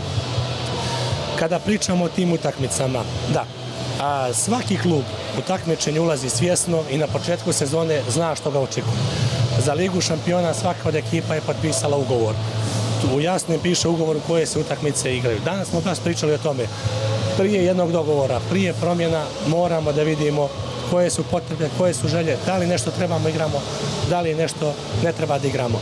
Ako mene lično pitate, a, svaka ekipa a i ona koja je imala najveće, najmanje šanse i ona što ima najviše šanse je došla ovdje po trofej. Nije niko došao po osmom mjestu, niko nije došao po šestom mjestu. Da, takmičarski gledano jeste. Apsolutno i možda te utakmice, odnosno iz mog dubokog ubjeđenja nemaju, nemaju smisla. Sada se tu pripleću drugi interesi klubovi imaju svoje interese da igraju utakmice jer moraju dobijeni novac od sponzora, od svojih donatora, od svojih saveza da opravdaju. Više utakmica, više TV prenosa. To znači i televiziji, to znači i tim klubima. Moramo sve da stavimo na papir i da dođemo do nekog do nekog interesa. Nikola, ajde, nećemo mnogo. Čuli smo, čuli smo Miloša, izdvojili smo neki segmenti iz razgovora. Sledeće godine znamo da će turnir trajati četiri dana, to je već onako jedan, jedan mora kažem i benefit e, ne samo za igrače, za, za sve nas, jer nije nije normalno da se utakmice igraju u tri dana na tako velikom turniru, pa onda ono tema koji si ti načeo, da bi trebalo 15 igrača bude u rosteru, što je da se ne dešava da centri igraju uh, na bekovskim pozicijama, da onako uh, ti si recimo poznat kao neko ko, ko igra, igra beka, igra si beka ceo život i znaš šta je tvoje, šta je tvoje umeće ajmo da izvučemo od igrača ono što, što je njihov ekstra kvalitet. Pa mislim, ovako, daću baš onako banalni plastičan primjer. Vi kad sednete sa nekim da pregovarate za angažovanje, preko puta, sedi va, preko puta vas sedi gazda kluba ili trener. On vas angažuje za vaš, vaše dobro igre ili uh, tvoj angažman je prisutan da bude na poziciji pa jo beka, levog beka mm -hmm. golmana. Mm -hmm. Ja ne potpisujem ugovor kako se zove all around igrač. To su Harlem Globetrottersi, to, to nije ozbiljno. Uh, mislim, mala digresija na, na sve ovo što se dešavalo gde, gde smo imali prilike da primetimo te čudne neke stvari da, da pri, igrači ne igraju svoje prirodne pozicije. Zašto ne igraju svoje prirodne pozicije? Zato što se žrtvuje isključenje, broj isključenja, e, lampica na semaforu da bi se zadovoljilo na kraju e, da bi se zadovoljilo na kraju broja isključenja gde bi ih poslednjih, ne znam, 3-4 minuta igrači mogli da uhvate svoje prirodne pozicije pa da odigraju kako treba. Mm -hmm. Evo, ja ne znam da sam bio dovoljno jasan. Ali to je moj utisak sa ovoga Final 8 Ne želim da kažem da, da sudije ne rade svoj posao, nego jednostavno se takav trend napravio da je to poštalo kao opšte prihvatljivo i da to kao niko ne gleda. Dao sam primjer malo pre da, sad zamislite vi da Steph Curry igra centar. Mm -hmm. Zato što mi kao treba na playmakeru neki veliki da, ne, da neko ne baci loptu kontra napad. Pa to je, to je ti primer, pričali smo Zeno Bertoli, koji on je bio žrtvan, bukvalno, on je On je imao tri lične greške. Dobro, nije posle... to baš eklatantan primer. Mi imamo primer Lončara koji počinje lagano bek i Haloka koji je na centru. Obojice su centri. Pa onda imamo primer Zeno Bertolja koji je na beku, a Lončar i Halog na centru. Mm -hmm. Ok. Šta je pisatelj da kaže? Da, da. Bukvalno to. Mislim da bi trebali malo željni ljudi Lena da se obaziraju na te stvari. Mislim da je jako bitna uloga uh, igrača, da se malo više pitaju igrače, da se malo igrači angažuju u tom celom waterpolo svetu, ne da se ne da se neko pravi, udruženje da imaju da imaju ne, da se napravi to da i oni imaju svoj, svoj neki glas da se znaš da se porazgovara s njima kaže ej ljudi šta šta vi mislite? Kako bi trebali? Šta vam prija? Šta vam ne prija? Znaš mi, mi imamo ja evo ja se sećam primera Final Four, Final Four u Genovi. Čelnik Lena koji sedi za zapisničkim stolom. Lopta odlazi iza gola i kotrlja se i, ne znam, na, na ivicu dolazi. On ustaje, ide po loptu i nosi je tamo. Sam mislite vi neki predstavnik FIFA ili UEFA da ide iza, iza gola da pokupi loptu da bi vratio e, linijskom sudiji. Mislim, to su baš banalni primjeri, ali takav je waterpolo, ali malo moramo da gledamo i te stvari. Da, da. Jer uh, Waterpolo najbolje se igra na ovom, na ovom, na ovom prostoru, da kažemo u reprezentativnom nivou. Ali ipak ti ljudi koji dolaze u Beograd, koji dolaze na Final Eight, daju neki novac da bi ti igrači dolazili da igraju Waterpolo, tako? Mm -hmm. Ako hoćemo da pospešimo sport, moramo svi zajedno da radimo. A ne da zavisimo od jedne organizacije ili od par ljudi. To se meni ne sviđa. Jasno, jasno. Možda će nekom se ovo, možda se ovo nekom neće svidjeti, možda će biti raznih kritika, ali mislim da će se u globalu svi složiti samo. Mm -hmm. Ništa više. Dobro, neka tema koju, ajde da, da, da, da je ne širimo, zaista onako zahtevala bi još mnogo vremena, imaš ovde nekih i onako malo i neozbiljnih pitanja, neću da ti ih postavljam ovaj sada, ali e, da li radnički dovođenje Vici ima najjači centarsku liniju na svetu? Leska pita. Zavisi šta Zvezda uradi. Uh -huh. Zavisi šta Zvezda uradi. Nemo da zaboravimo Novi Beograd isto. Jer da. Novi Beograd ima potpisane igrače koliko je znam na višegodišnje ugovore. Uh -huh. Da li će ovo leto igrati letnju ligu za Požarevac? Da. Filip Nuković. Da. da.